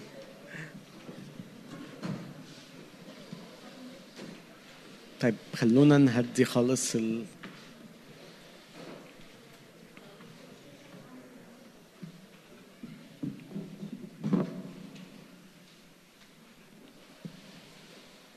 في الآخر الموضوع كله هو شخصين بيلتصقوا ببعض أنا ويسوع. هو ده الموضوع.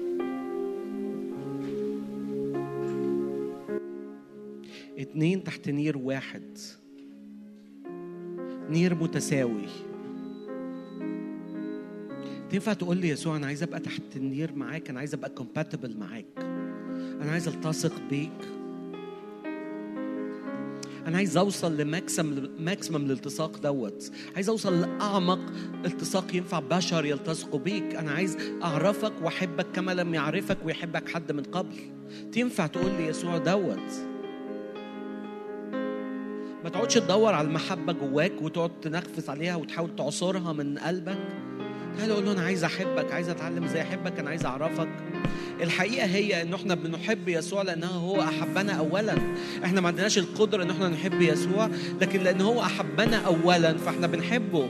فكل مرة يسوع بيوريك محبته أنت بتعرف تحبه. فتعالى دلوقتي لو أنت مش لاقي جواك المحبة دي ليسوع ومحدش فينا في جيلنا لغاية دلوقتي جواه المحبة دي ليسوع. نوعية المحبة اللي أنا بتكلم عليها لسه ما اختبرناهاش. فتعال نقول له يسوع ورينا محبتك. قول له يسوع وريني محبتك وريني قلبك. تعالى تعالى تعالى فاجئ حياتي تعالى فاجئني بإن أنت تفتح قلبك. اطلب أزمنة الانتعاش من وجه إلهنا. اطلب أزمنة الانتعاش من محضر الرب دلوقتي تيجي عليك.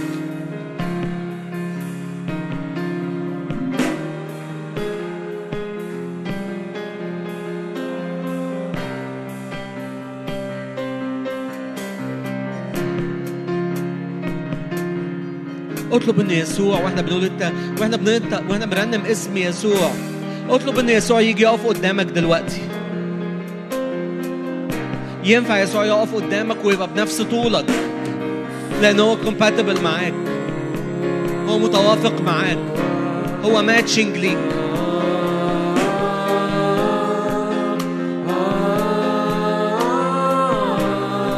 يسوع شبهك بالظبط بس ممجد.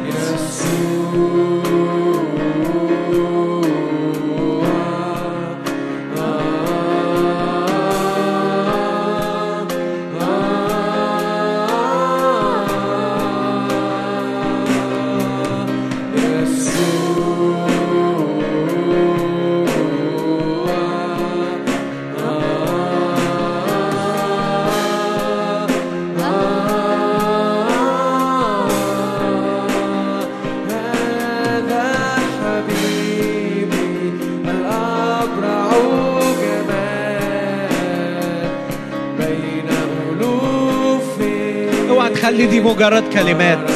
قول له وريني جمالك وريني حقيقتك. وريني انت مين.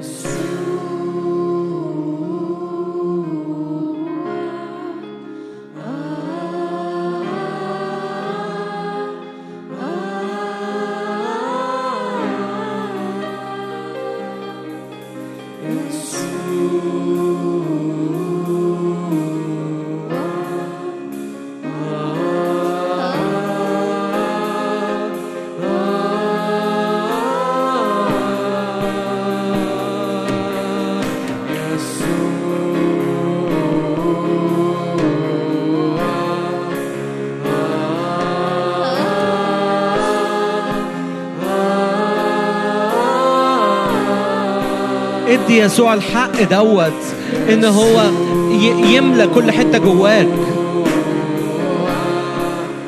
أنا بتكلم عن النفسية بتكلم عن الجسد بتكلم عن الروح بتكلم عن المستقبل بتكلم عن الشخصية.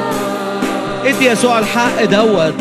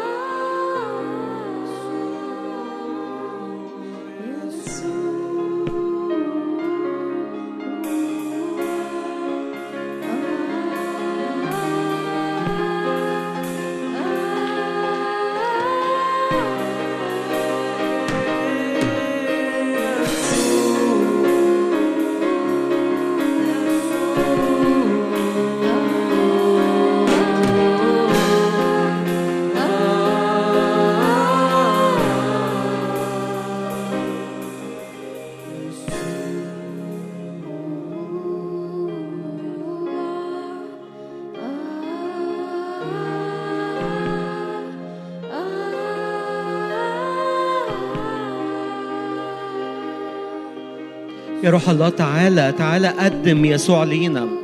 تعالى قابلنا دلوقتي مع يسوع. تعالى دلوقتي اشهد عن يسوع لكل واحد فينا. يا روح الله تعالى دلوقتي املى كل واحد من اخواتي. تعالى دلوقتي علينا. دخلنا جوه إعلان يسوع. ورينا هو مين يسوع. ورينا هو مين يسوع. ادعي الروح القدس قول يا روح الله وريني مين يسوع. أنا عايز أقابل يسوع عايز أقابل يسوع في أوضتي عايز أقابل يسوع على السرير وأنا نايم قبل ما أنام بالليل. أنا عايز عايز أقابل يسوع في كل وقت. أنا عايز أعرف هو مين يسوع دوت.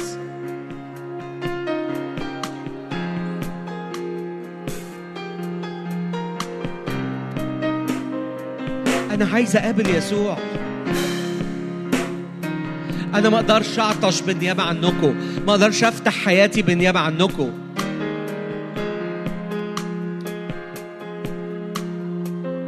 قلت يسوع تعالى تعالى تعالى وريني محبتك. فأسر قلبي. عارفين نشيد الأنشاد ابتدى كله الأحداث بتاعت نشيد الأنشاد؟ لما قلت له قبلني بقبلات فمه. اجذبني وراءك فنجري. أنت تقدر تقول لي يسوع اجذبني وراءك فنجري. أنا عايز أجري معاك أنا عايز أبقى تحت النير معاك. اجذبني ليك. اجذبني وراءك فاجري عرفني حبك.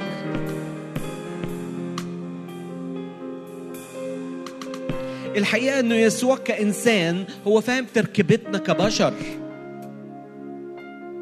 فاهم إزاي قلوبنا بتشتغل. يعرف يوصل لأعماقنا. يعرف يوصل لأعماقنا. يعرف يوصل لأعماق شخصيتي. يعرف يكلمني بالطريقة اللي تخلي قلبي يلتهب بيها. يعرف يوصل ويلهب قلبي. مهما كانت شخصيتي حتى لو شخصيتي عقلانية وجافة جدا هو يعرف يوصل لقلبي ويكلمني. ويعرف يوصل لأعماقي. ويعرف يوصل لإنسانيتنا. يعرف يملى إنسانيتنا. يعرف يديفاين إنسانيتنا.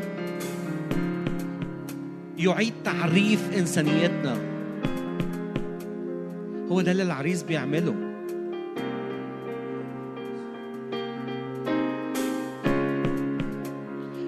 تعالوا نفتح قلبنا بغض النظر عن الحتة اللي أنت واقف فيها. حتى حتى لو إنه أنا بفتح قلبي ليك دي كلمة ضعيفة قوي أنا بقولها ب... أنا بفتح قلبي ليك أنا ما أعرفكش بس عايز أعرفك. أنا مش قادر أحبك قوي بس أنا عايز أحبك وألتهب بيك. تعالى. قول لي يسوع تعالى استب تعالى لحياتي. تعالى زور حياتي. أنا مش بتكلم على اجتماع صلاة بس في مؤتمر. لا أنا بتكلم على الأوقات اللي أنا فيها في المواصلات أنا بتكلم على الأوقات اللي أنا فيها في الشارع اللي أنا فيها لوحدي في البيت اللي أنا فيها في شغلي. أنا بتكلم على الأوقات اللي أنا فيها حتى في وسط الناس. تعال step step down تعال عرفني أنت مين. تعال عرف كياني.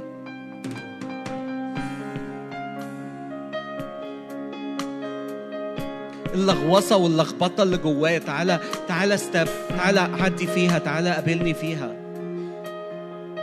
بديك الحق ده ينفع تدي الرب الحق ده.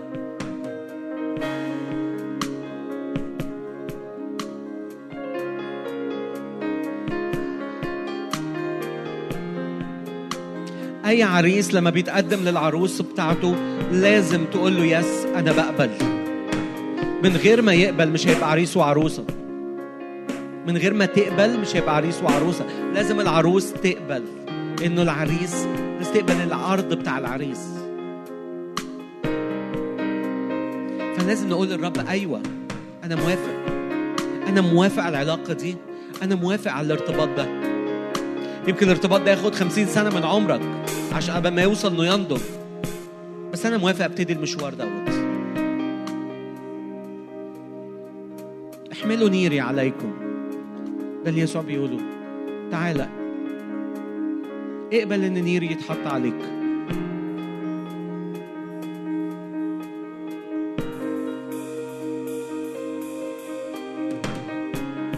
تعالى نقول للرب أيوه أنا عايز العلاقة دي.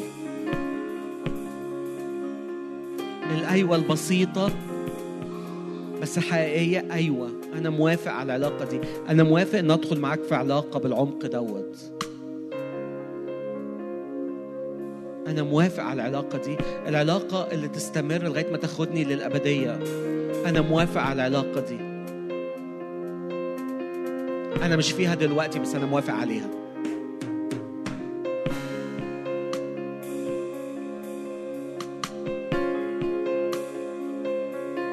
تعالى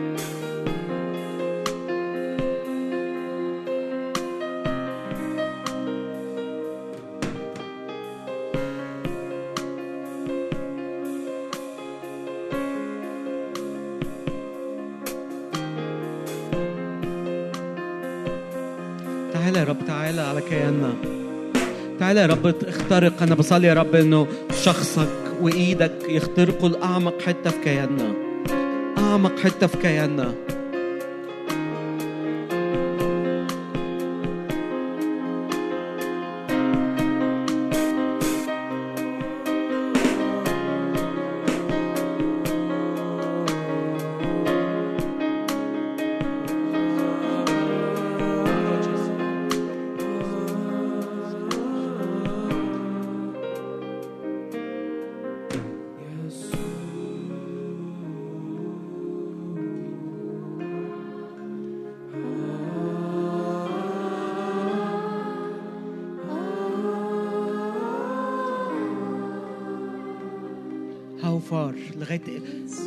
لاي مدى يسوع أنت تقدر تخترق حياتي هتوصل لفين في حياتي؟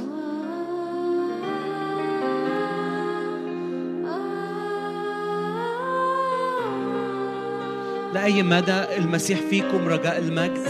لأي مدى وجودك في حياتي هو هو إعلان للمجد هو رجاء للمجد.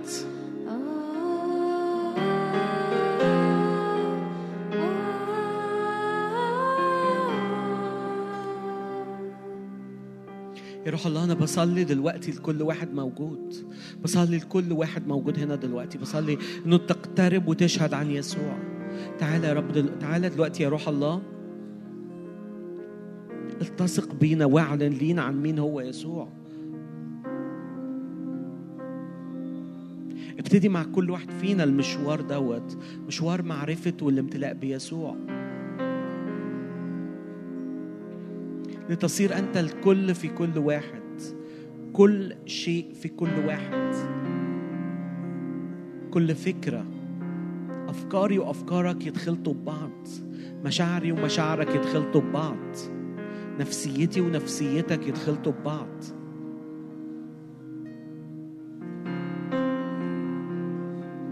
جسدي وجسدك يتخلطوا ببعض. يحصل الالتصاق دوت والامتزاج ده بيني وبينك. بصلي كل حتة في حياتي تتأثر بيك. كل حتة في حياتي يبقاش فيا حتة مش متأثرة بيك. صلي معايا الصلوة دي إن كل حتة في حياتك كل حتة في كيانك تتأثر بيسوع. مش في حتة مش متأثرة بيه. مش في حتة مش مصبوغة بصبغته. باش في حتة هو مش صابغها. ده اللي هو قاله للتلاميذ إن أنتوا تصطبغوا بالصبغة بتاعتي. قول له أنا عايز أتصبغ بيك. كياني المعقد ده أنت اللي خلقه وأنت اللي فاهمه أنت اللي فاهم تركيبته أنت اللي تعرف توصل لكل حتة فيه. أنا كل اللي أقدر أقوله أقول لك يس اوصل لأعماقي اوصل لكل كياني أثر في كل حتة فيها اصبغها. يا روح الله تعالى تعالى يا روح الله تعالى اتقل علينا تعالى عمدنا في يسوع عمدنا إنه نتغمر في يسوع دوت في يسوع يتجسد في كل واحد فينا يصبغ كل واحد فينا.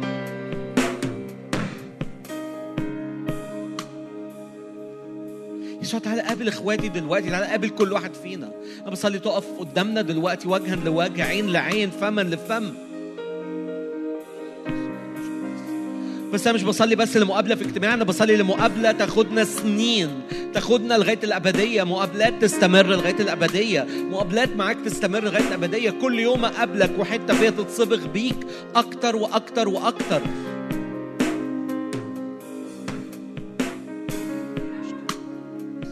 أنا بحط حياتي قدامك. تعالى.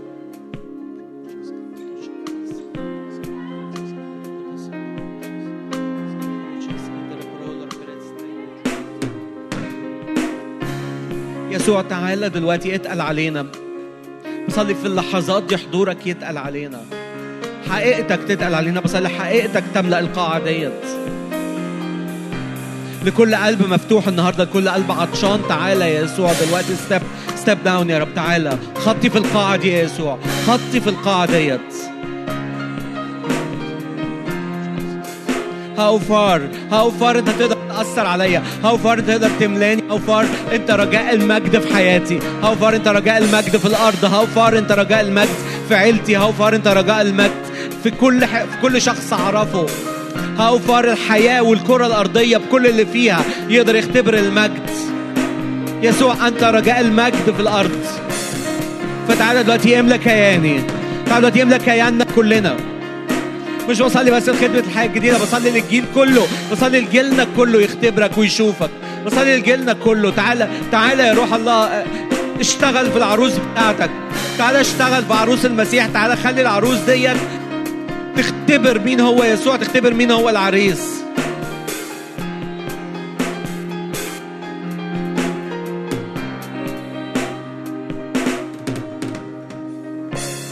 قبل ما المسيح يجي أبناء الله هيظهروا قبل ما المسيح يجي أبناء الله هيظهروا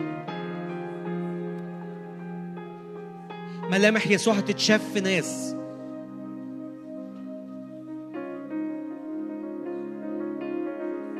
الخليقة مستنية الناس اللي فيها ملامح يسوع. الشوارع مستنية الناس اللي فيها ملامح يسوع.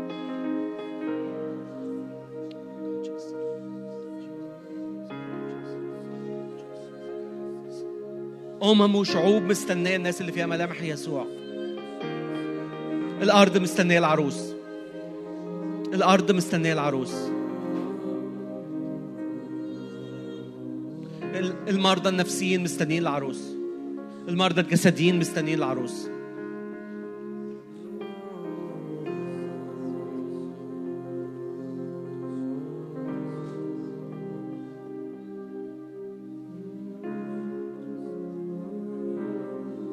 الإجابة بتاعت الرب للأرض هي العروس. هي دي الإجابة بتاعت الرب للأرض. العروس بتاعتي.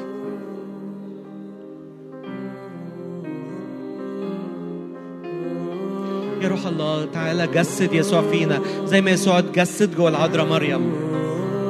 زي ما يسوع اتجسد فيها فأنا بصلي النهارده إن يسوع يتجسد فينا. الحقيقة هي ان العروس والعريس ليهم نفس الملامح. العروس والعريس ليهم نفس المجد. العروس والعريس ليهم نفس القوة. العروس والعريس ليهم نفس الحياة. نفس الحياة اللي جوه العريس هي اللي بتسري في العروس.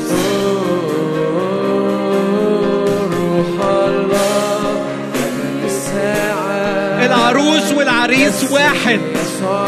كيان واحد. روح الله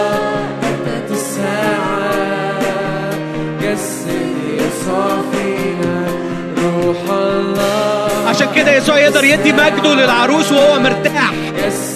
يقدر يسكب كل مجده على العروس وهو مرتاح. لأن هي مش كيان منفصل هي هي كيانه. هي لحم من لحمه وعظم من عظامه. العروس لحم من لحم يسوع وعظم من عظم يسوع. عشان كده يسكب عليها مجده. عشان كده نفس الروح بينسكب على يسوع اللي بينسكب على المسيا بينسكب على العروس محبة الآب اللي بتنسكب على يسوع بتنسكب على العروس يسوع والعروس واحد كيان واحد. قول له أنا عايز أبقى جزء من يسوع أنا عايز أبقى جوه يسوع. أنا مش عايز أبقى كيان منفصل.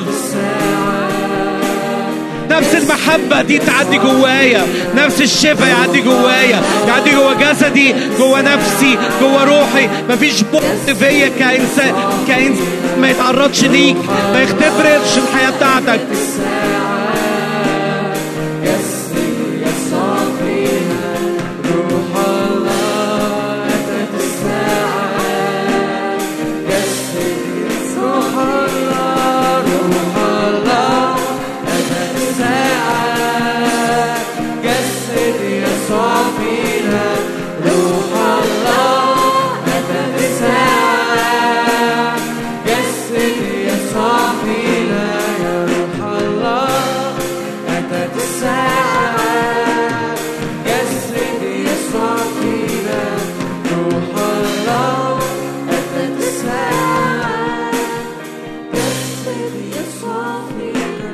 بقف مع أخواتي النهارده وأرفع الحواجز اللي بيني وبينك وأقول لك يا رب تعالى اتحدى كل الحواجز ديت.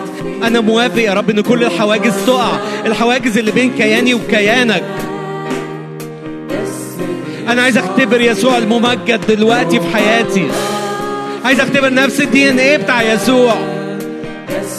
عايز أختبرك يسوع. عايز أختبر نفس. عايز أختبر كل حتة فيك. عايز أوقع كل الحواجز. حتى مع إن أنا جسد بشري فاني تعبان مكسور لكن أنا النهارده بوقع الحواجز اللي بين كياني وكيانك.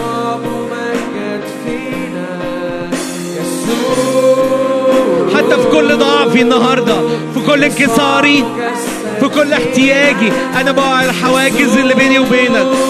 بقول لك يسوع تعالى. مع اننا كائنات بشرية فانية. وانت وانت إله ممجد. أنا بوقع الحاجز دلوقتي اللي بيني وبينك. لأن أنت وقعت الحاجز دوت. إحنا مخلوقين لمجد. مخلوقين لحياة. نفس مجد يسوع نفس حياة يسوع. إحنا مخلوقين عشان نختبر ده بالكامل.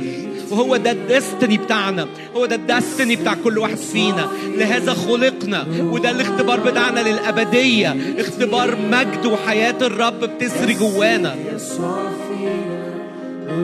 مش مجد مخفف مش حضور مخفف مش حياة مخففة. يا رب أنا بشيل الحواجز بيني وبينك دلوقتي. صلوا معايا الصلوة دي قول يا رب اتحدى كل الحواجز وقع كل الحواجز بيني وبينك.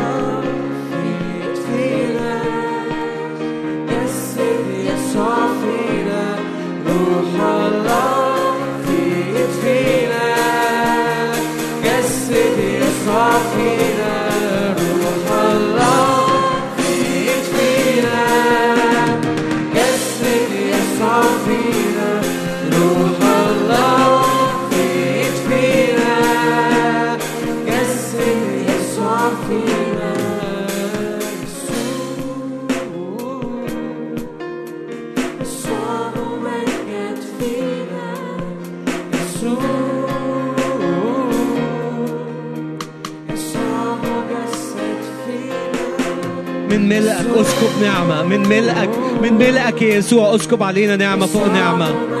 من ملئك اسكب علينا فوق نعمة.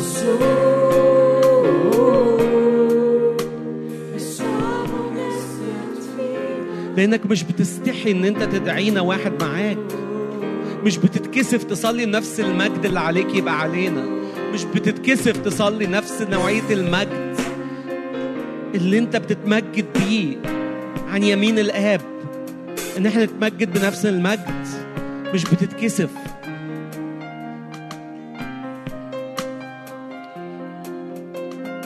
أنا عايز أبقى لحم من لحمك وعظم من عظامك حرفيا. حتى الجسدي يختبر حياة. خلاياي تختبر حياة. موسى لما شافك الخلايا بتاعته بقت فيها مجد. ده حصل قبل كده.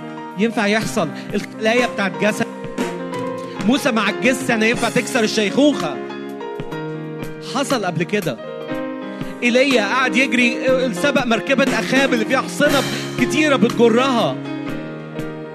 اديت جسده قوة فوق طبيعية حصل قبل كده. تقدر تدي الأجساد قوة؟ تدي تسكب مجد؟ تقدر تسكب عن نفسيات مجد؟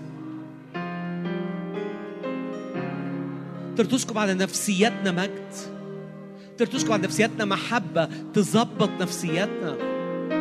تظبط قيمتنا. تظبط هويتنا. تخلينا كلنا محبوبين.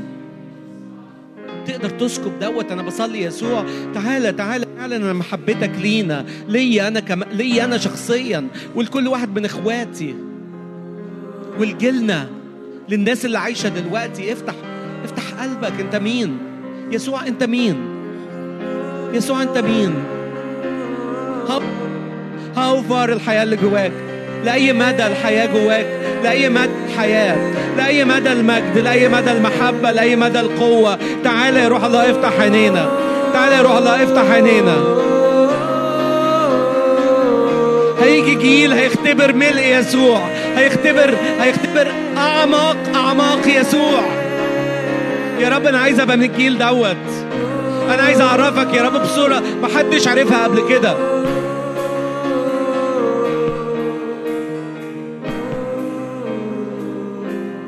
يسوع أنت مين؟ إيه اللي جواك؟ تعرف تعمل إيه؟ إيه اللي دفعت ثمنه على الصليب؟ إيه اللي دفعت ثمنه في القبر؟ إيه اللي فتحته ليا بالقيامة والصعود؟ يسوع. هاو فار هاو فار لأي مدى؟ لأي مدى بتوصل لأي مدى تقدر توصل في نفسيتي؟ لأي مدى تقدر توصل في نفسيتي؟ لأي مدى تقدر توصل في جسدي؟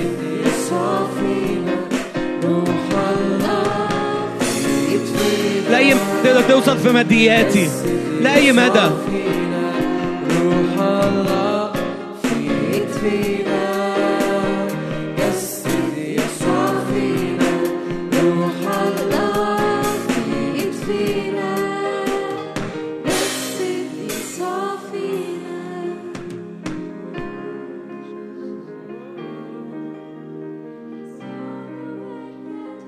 يسوع الموضوع كله عنك انت. الكون كله عنك انت. الخليقة كلها. الأبدية كلها عنك انت.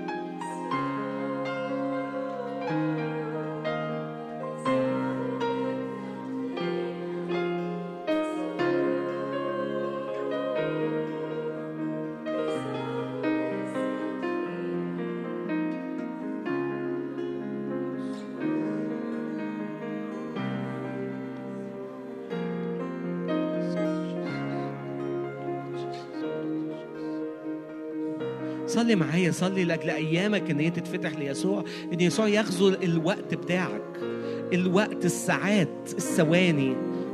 صلي للوقت بتاعك يتملي بيسوع. وقت وجودك في الشغل صلي إنه تبقى مليان بيسوع. صلي إن يسوع يدخل ينزل في الوقت يعيش معانا في الوقت في ال في الريل تايم في, في الوقت الحقيقي.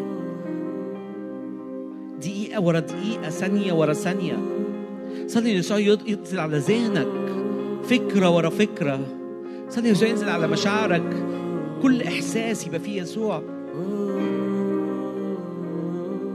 إحنا نسل ليسوع. إحنا إخوة ليسوع. مدعوين إن إحنا نبقى مختلطين بيه. مدعوين إن إحنا نبقى مختلطين بيه.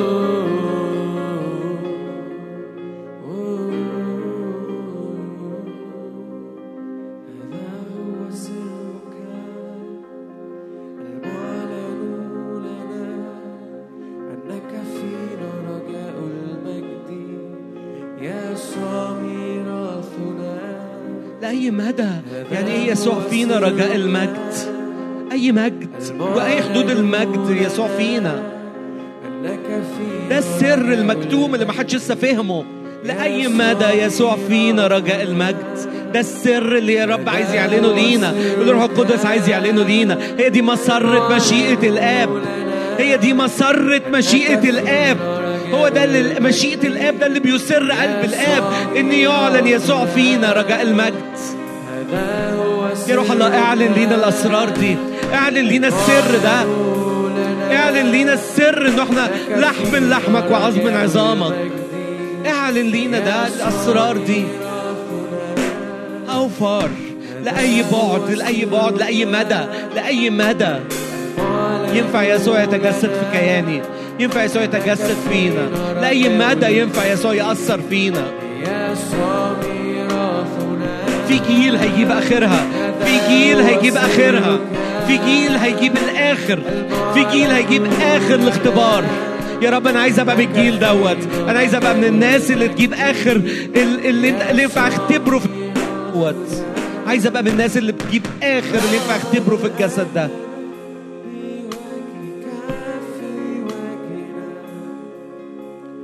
يسوع. عايز أعرفك. عايز أعرفك.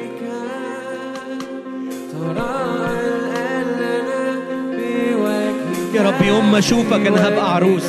يوم ما أشوفك هبقى يوم ما أشوف العريس يوم ما أشوف عريس البشرية. يوم ما أشوف عري... العريس هبقى العروس.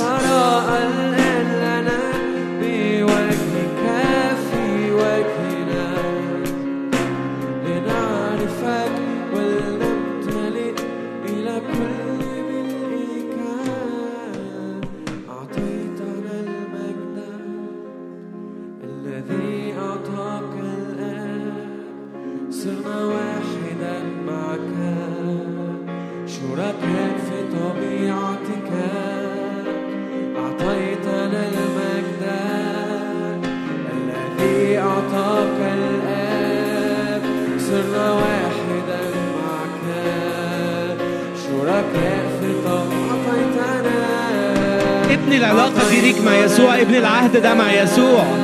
ابني العهد ده مع يسوع. ما تستناش. ما حدش ينفع يصلي لك العهد دوت. ما حدش ينفع يصلي لك فتدخل فيه. انت لازم تدخله علاقة العريس بالعروس علاقة خاصة جدا ما حدش بيدخل فيها.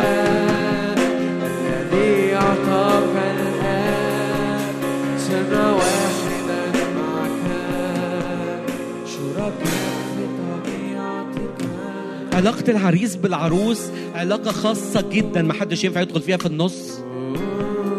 ما حدش ينفع يبقى وسيط بين العريس والعروس. ما حدش ينفع يصلي لك تبقى عروس. علاقتك بالعريس انت اللي هتبنيها. هتبنيها في أيام. هتبنيها في ليالي. هتبنيها في أوقات ورشب هتبنيها في أوقات بتفتح بتنزل. العلاقة الحميمة بتب... معناها ان الحدود بتنزل معناها ان السدود بتنزل الموانع بتنزل. أنت الوحيد تقدر تعمل ده. محدش ينفع يصلي لك بدوت. اعمله أنت مع الرب.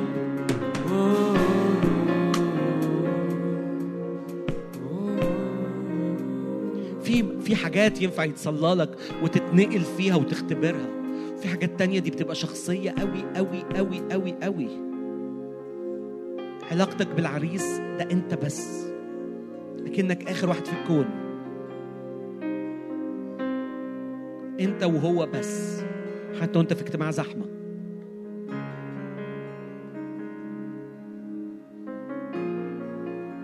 على قد ما أعرف أوقع الأسوار بتاعتي على قد ما أعرف أوقع الحواجز بتاعتي. على قد ما أعرف أبقى متاح ومفتوح. على قد ما هدخل في علاقة ديت على قد ما هسحب فيها. أنت الوحيد اللي تقدر تعمل كده. وانت الوحيدة اللي تقدري تعملي كده.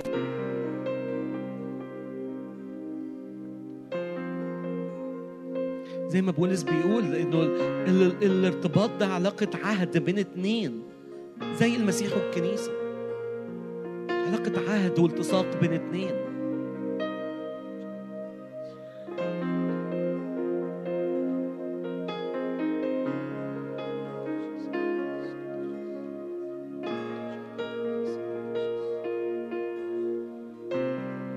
بتنتهي في اجتماع صلاة مش بتنتهي في مؤتمر. ينفع تبتدي وتتقوى في مؤتمرات. بس هي علاقة بتقضي فيها وقت بتقضي فيها أيام ودقايق وساعات.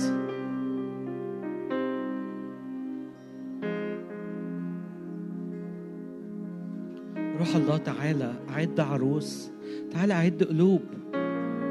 تعالى أعد قلبي وقلوب إخواتي تعالى علمنا. دربني إزاي أبقى عروس؟ علمني إزاي أبقى عروس؟ إزاي أبقى مفتوح على على عريسي؟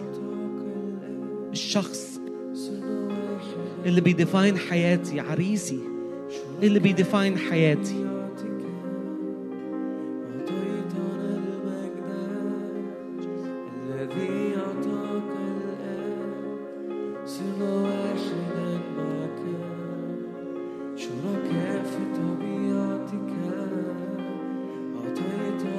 يسوع أنا بصلي لكل واحد دلوقتي من إخواتي. بصلي إن أنت تيجي تعلن عن محبتك. بصلي إن أنت تعلن ما هو الطول والعرض والعمق والعلو وتاخدنا في معرفة المسيح الفائقة المعرفة حتى نخ... حتى نختبر كل ملء الله. تاخدنا للطول والعرض والعمق والعلو ونعرف محبة المسيح الفائقة المعرفة. طبيعتك لغاية ما نوصل لكل ملء الله.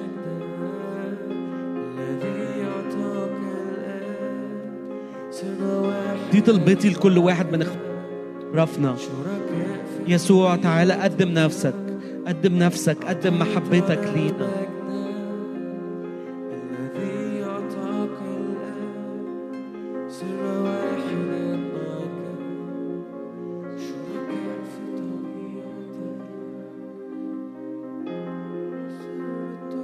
في المحبة هي التصاق بالرب.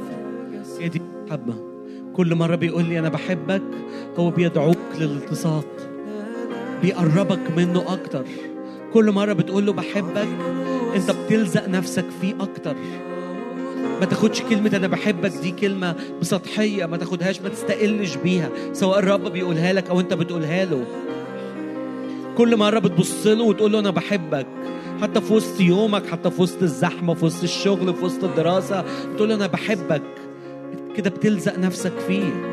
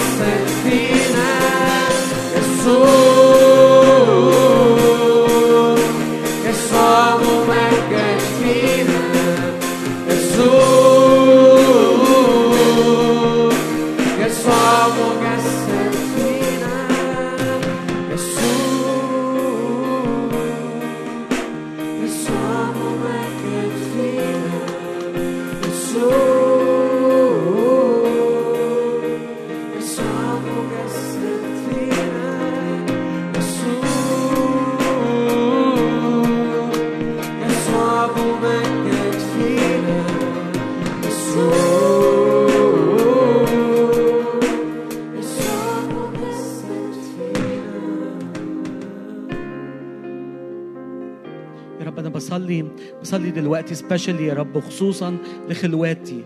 لخلوتي وخلوات إخواتي والأوقات اللي بنقعدها معاك. بصلي لأ... بص... الأوقات دي تختبر يا رب أزمنة انتعاش من محضرك. انسكاب للروح والإعلان يسوع. صلي معايا لو دلوقتي خلوتك. ولو ما بتاخدش خلوة بانتظام قول يا رب أنا عايزك عايز أقعد قدامك عايز أقعد قدامك كتير عايز أقف قدامك كتير. أنا عايز أتقابل مع يسوع أنا عايز ألتصق بيسوع. عايز أدخل في وقت إحنا فيه بنلتصق ببعض وبنحب بعض. الأوقات هي وقت خلوتنا. قول له أنا عايز أعزل نفسي عن الحياة ليك. أوقات محددة. وأنا بصلي يا رب ان أوقات خلواتي خلوتي وخلوات إخواتي. تبقى الاوقات دي أوقات مع يسوع. مش quiet time أنا بقعده مع نفسي. لكن وقت أنا بقضيه مع يسوع وقت أنا ويسوع وجها لوجه إحنا الاتنين بس. يا رب أنا بصلي يا رب إنه تأتي أزمنة الانتعاش تأتي يا رب as times of refreshing تيجي على أوقات خلوتنا على أوقات صلواتنا على أوقات العبادة بتاعتنا.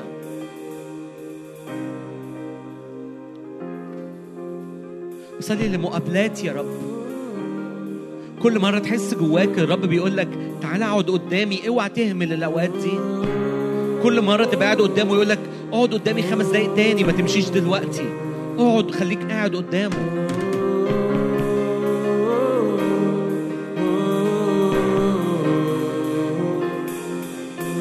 قول له يا رب تعالى حبني. قول له يا رب تعالى حبني. تعالى حبني. تعالى اظهر محبتك ليا. املى خلوتي بمحبتك. أغمر حياتي بمحبتك. افتح عيني المحبة. المحبة دي هي اللي تاخدنا للأبدية. المحبة دي هي اللي تحملنا للأبدية.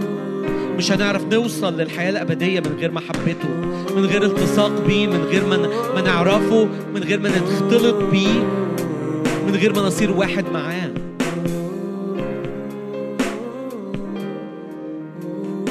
يا روح الله أنا بصلي ان انت تستقر عليا وعلى أخواتي. وإحنا مروحين في المؤتمر وإحنا مروحين من المؤتمر في بيوتنا في كل حتة. تعالى يا روح الله استقر علينا.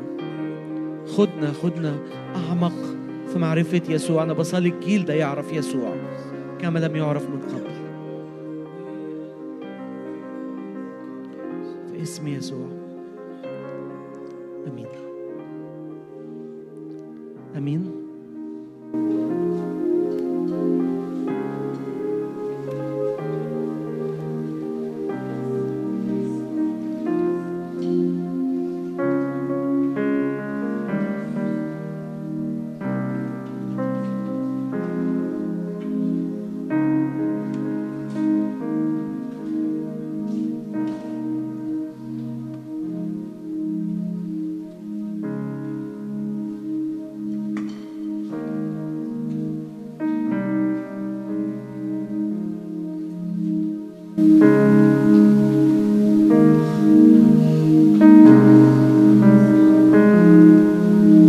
بنخلص خلاص بس أنا جوايا من وقت الوعظة إنه نبارك مجدي ف يعني إحنا متقلقوش يعني 5 minutes وهن- وهنخلص كل حاجة ف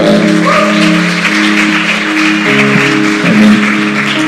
تعالوا تعالوا نقف تعالوا نقف نتحد في يا رب بنشكرك في اسم يسوع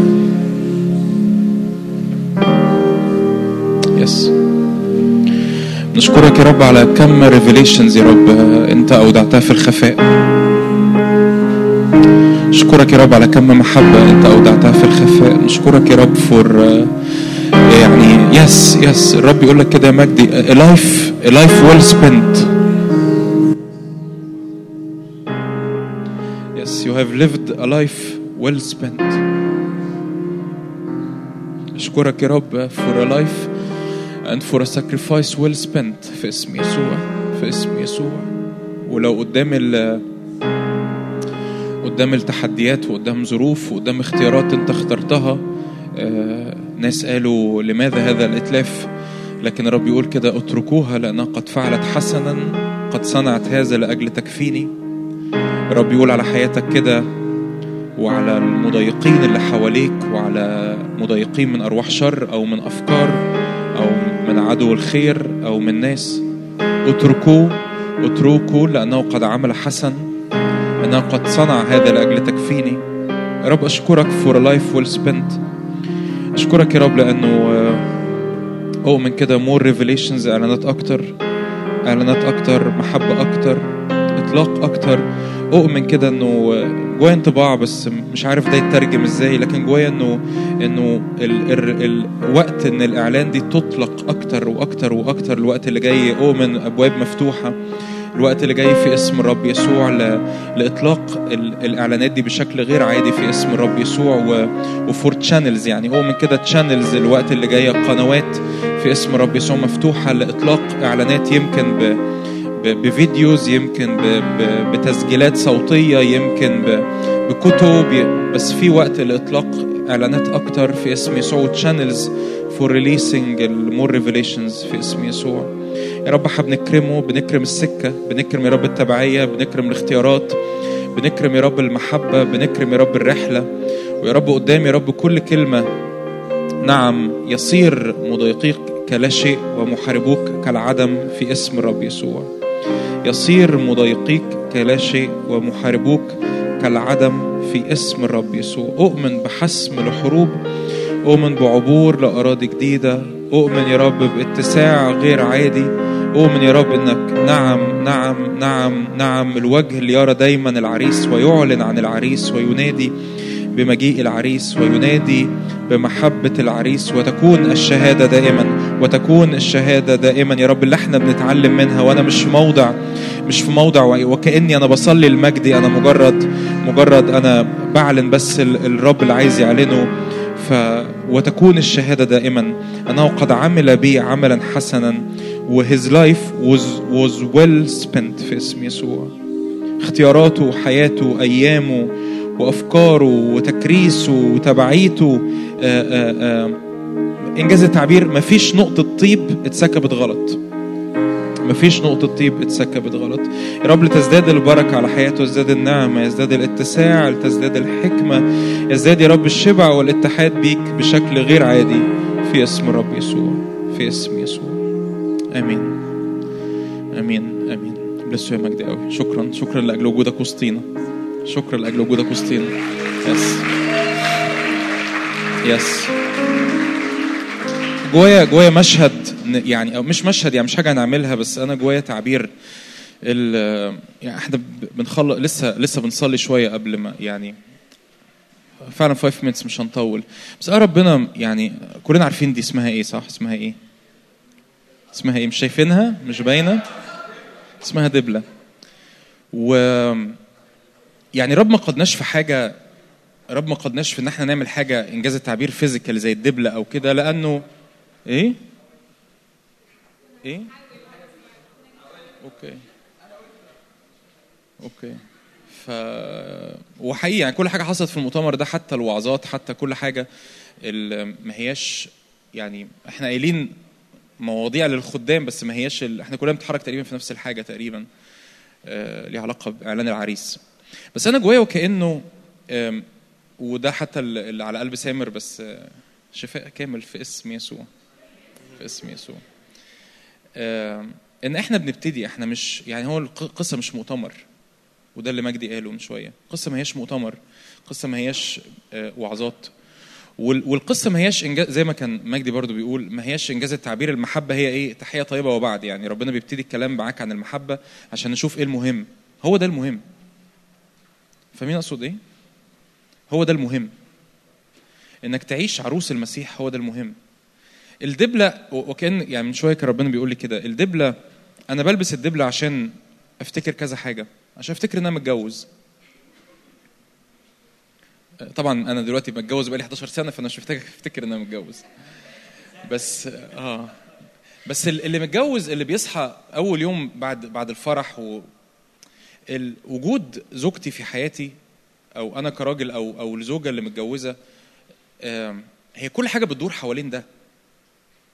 ترتيب اليوم وال- والوقت والساعات والفلوس وال- والمشغولية وال- والاختيارات وأنا أنا بفكر هي مراتي هيعجبها اللي أنا بعمله ولا مش ولا مش هيعجبها ومراتي بتفكر هو هيعجبه اللي أنا اللي أنا هعمله ولا مش هيعجبه.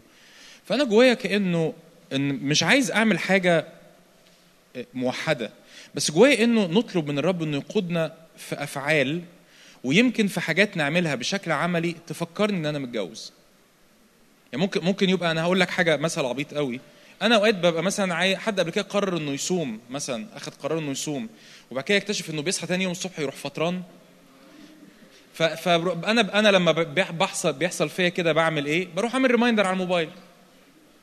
مثلا أروح أعمل reminder على الموبايل اللي هي ابدر ما أنا هصحى إنه أنا صايم فأنا أول ما أصحى هشوف ال reminder على الموبايل إن أنا صايم فمش فمش هفطر. فأنا بصلي إن الرب يقودنا. يعني إن الرب يقودنا لأمور عملية تفكرنا إن إحنا متجوزين.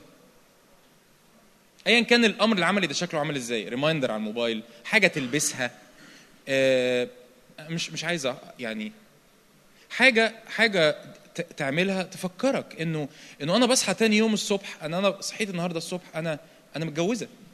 أنا جون متجوزة يعني. أنا مرتبط بالعريس. فارتباطي بالعريس بيشكل اختياراتي وبيشكل حياتي وبيشكل هو اللي أنا هعمله ده هو مت مترجم بالنسبة له إزاي؟ فتعالوا نقف نصلي انه يا رب. تاني حاجة الدبلة أقول لكم على سر تاني بلبس ب... أنا قلت حاجتين أصلا أنا قلت حاجتين سوري أنا آسف. أنا قلت حاجتين فأنا قلت الأولى ما قلتش الثانية أنتوا عارفين الد- الدبلة بت... بتعمل لواحد زي حالاتي إيه؟ حاجة غريبة جدا عمرك ما تكون سمعت عنها يعني. بتحميني. بتح... بتحميني من من من أوقات ناس ممكن تكون عايزة تابروتش مي بطريقة مش مش مظبوطة. ال ال ال تثبيت إدراكك في ذهنك إن أنت متجوز بيحميك في الروح. بيحميك في الروح بيعمل بيعمل في حاجات أنا مش هعملها. في حاجات أنا مش هعملها. في في مناقشات أنا مش هدخلها. لمجرد إنه في حد شاف إن أنا لابس دبله فاهمين أقصد إيه؟ فتعالوا نقف مع بعض نصلي. نصلي لإيه؟ قول يا رب إحنا جايين بنبدأ هذه الرحلة معاك. إحنا مش بنختم بنختم المؤتمر بنختم المؤتمر. هنقف المرة دي هنقف بجد. تعالوا نقف تعالوا نقف. إحنا بنختم المؤتمر إحنا بنختم المؤتمر. بس بنبدأ هذه الرحلة معاك. الرحله ليها علاقة بالمحبة. ودي رحلة لن لن تنتهي. ودي مش البداية يعني مش ال... مش إنجاز التعبير ال... ال... أو ده ده اللي هو إيه ده الكلام الخفيف اللايت اللي بعد كده فيه كلام مهم. ده هو ده كل حاجة. من له العروس فهو العريس. يا رب إحنا ليك إحنا ليك. تعالوا نرفع إيدينا كده مع بعض. يا رب إحنا ليك في اسم يسوع.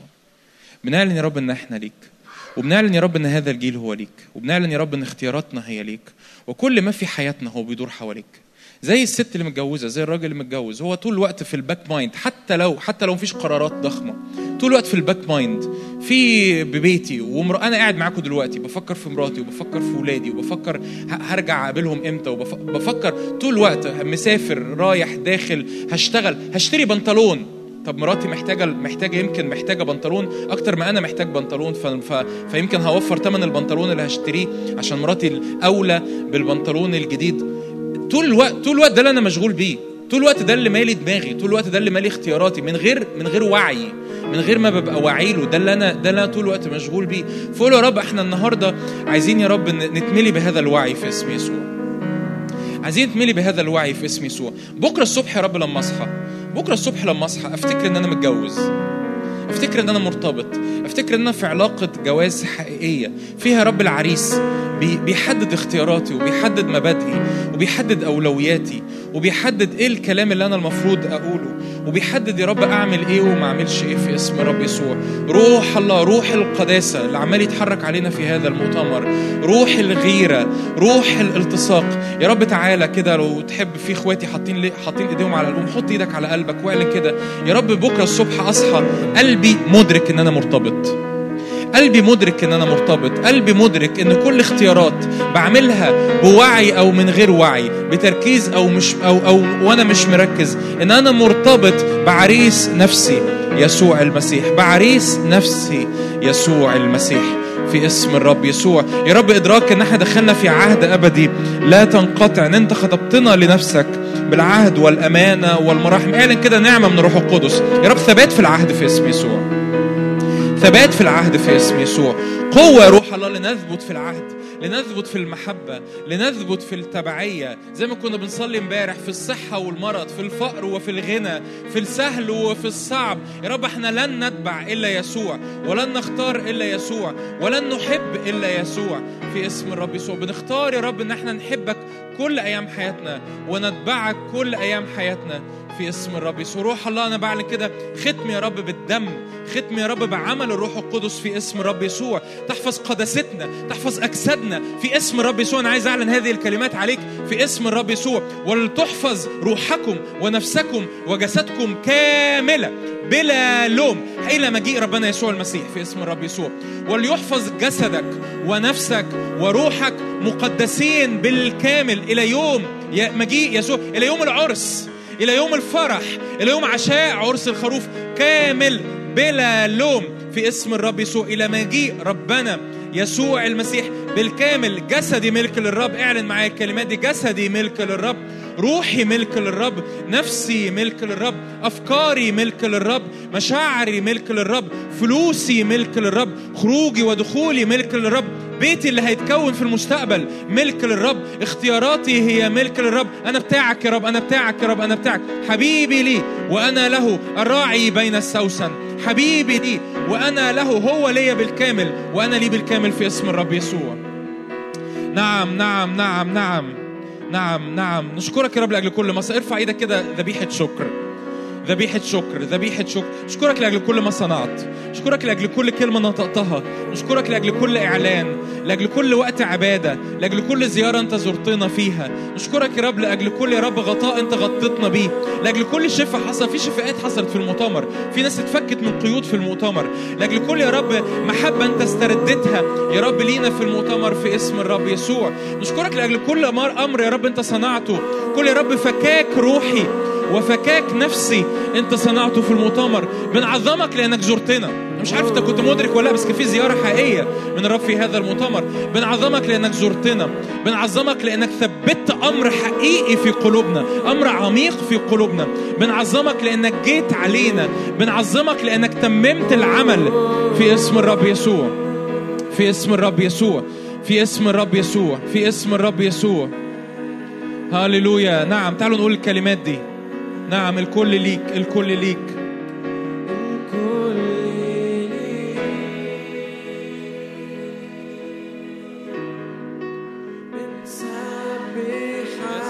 نعم الكل ليك الكل ليك الكل ليك.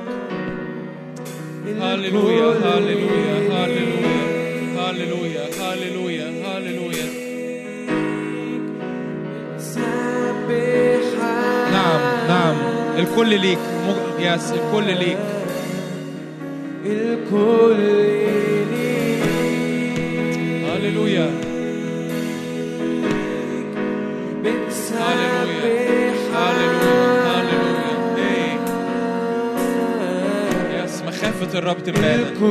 مخافة الرب تملانا. مهابة الرب تملانا. هاليلويا محبة الرب تملانا. في اسم يسوع هاليلويا بنحبك بنحبك. بنحبك بنحبك يسوع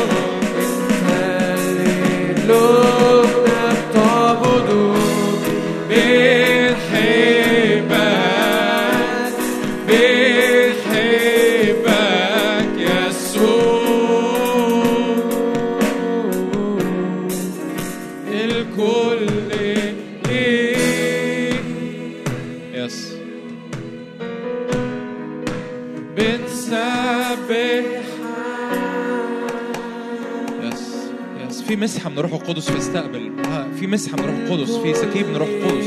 استقبل receive receive استقبل. استقبل. بالظبط كان في خادم حاطط إيده عليك. استقبل. في مسحة من روح القدس. تكريس من الروح القدس محبة من الروح القدس. هاليلويا يا رب بنحبك. بنحبك بنحبك بنحبك بنحبك. يا رب غطاء دمك في اسم يسوع على الباصات اللي راجعه في اسم يسوع غطاء دمك على العربيات اللي راجعه غطاء دمك على أذهاننا. على اختياراتنا. بصلي كده اللي حصل النهارده في المؤتمر يدي ديفينيشن لحياتك. To be defining defining يدي تحديد في اختياراتك في قراراتك في كلامك في خروجك في دخولك في تعاملاتك في علاقاتك. يبقى defining يبقى بيشكل حياتك بيشكل أيامك بيش- بيشكل اختياراتك. كل حاجة كل حاجة بيحددها ده. تخيل معايا واحد متجوز. كل حاجة كل حاجة كل حاجة بتحددها إن أنا متجوز. أنا متجوز. أنا مرتبط. أنا في علاقة في عهد أبدي. يا رب تعالى يا رب غطاء يا رب على هذا الجيل. في اسم يسوع. ارفع إيدك مرة كمان. قول يا رب نشكرك لأجل كل ما صنعت. ثبت عملك. ثبت عملك فينا. يا رب إحنا بنبتدي مش بننتهي. ثبت عملك فينا. في اسم رب يسوع. حمايتك يا رب على البساط. حمايتك على الوقت اللي باقي. مع بعض في الغدا. حمايتك يا رب على العربيات اللي بتحرك دم يسوع المسيح في اسم الرب يسوع ونار الروح القدس تحيطنا من كل جهة في اسم الرب يسوع. ادي المجد الرب ادي المجد الرب. يس ادي المجد الرب لأنه مستحق لأنه مستحق هللويا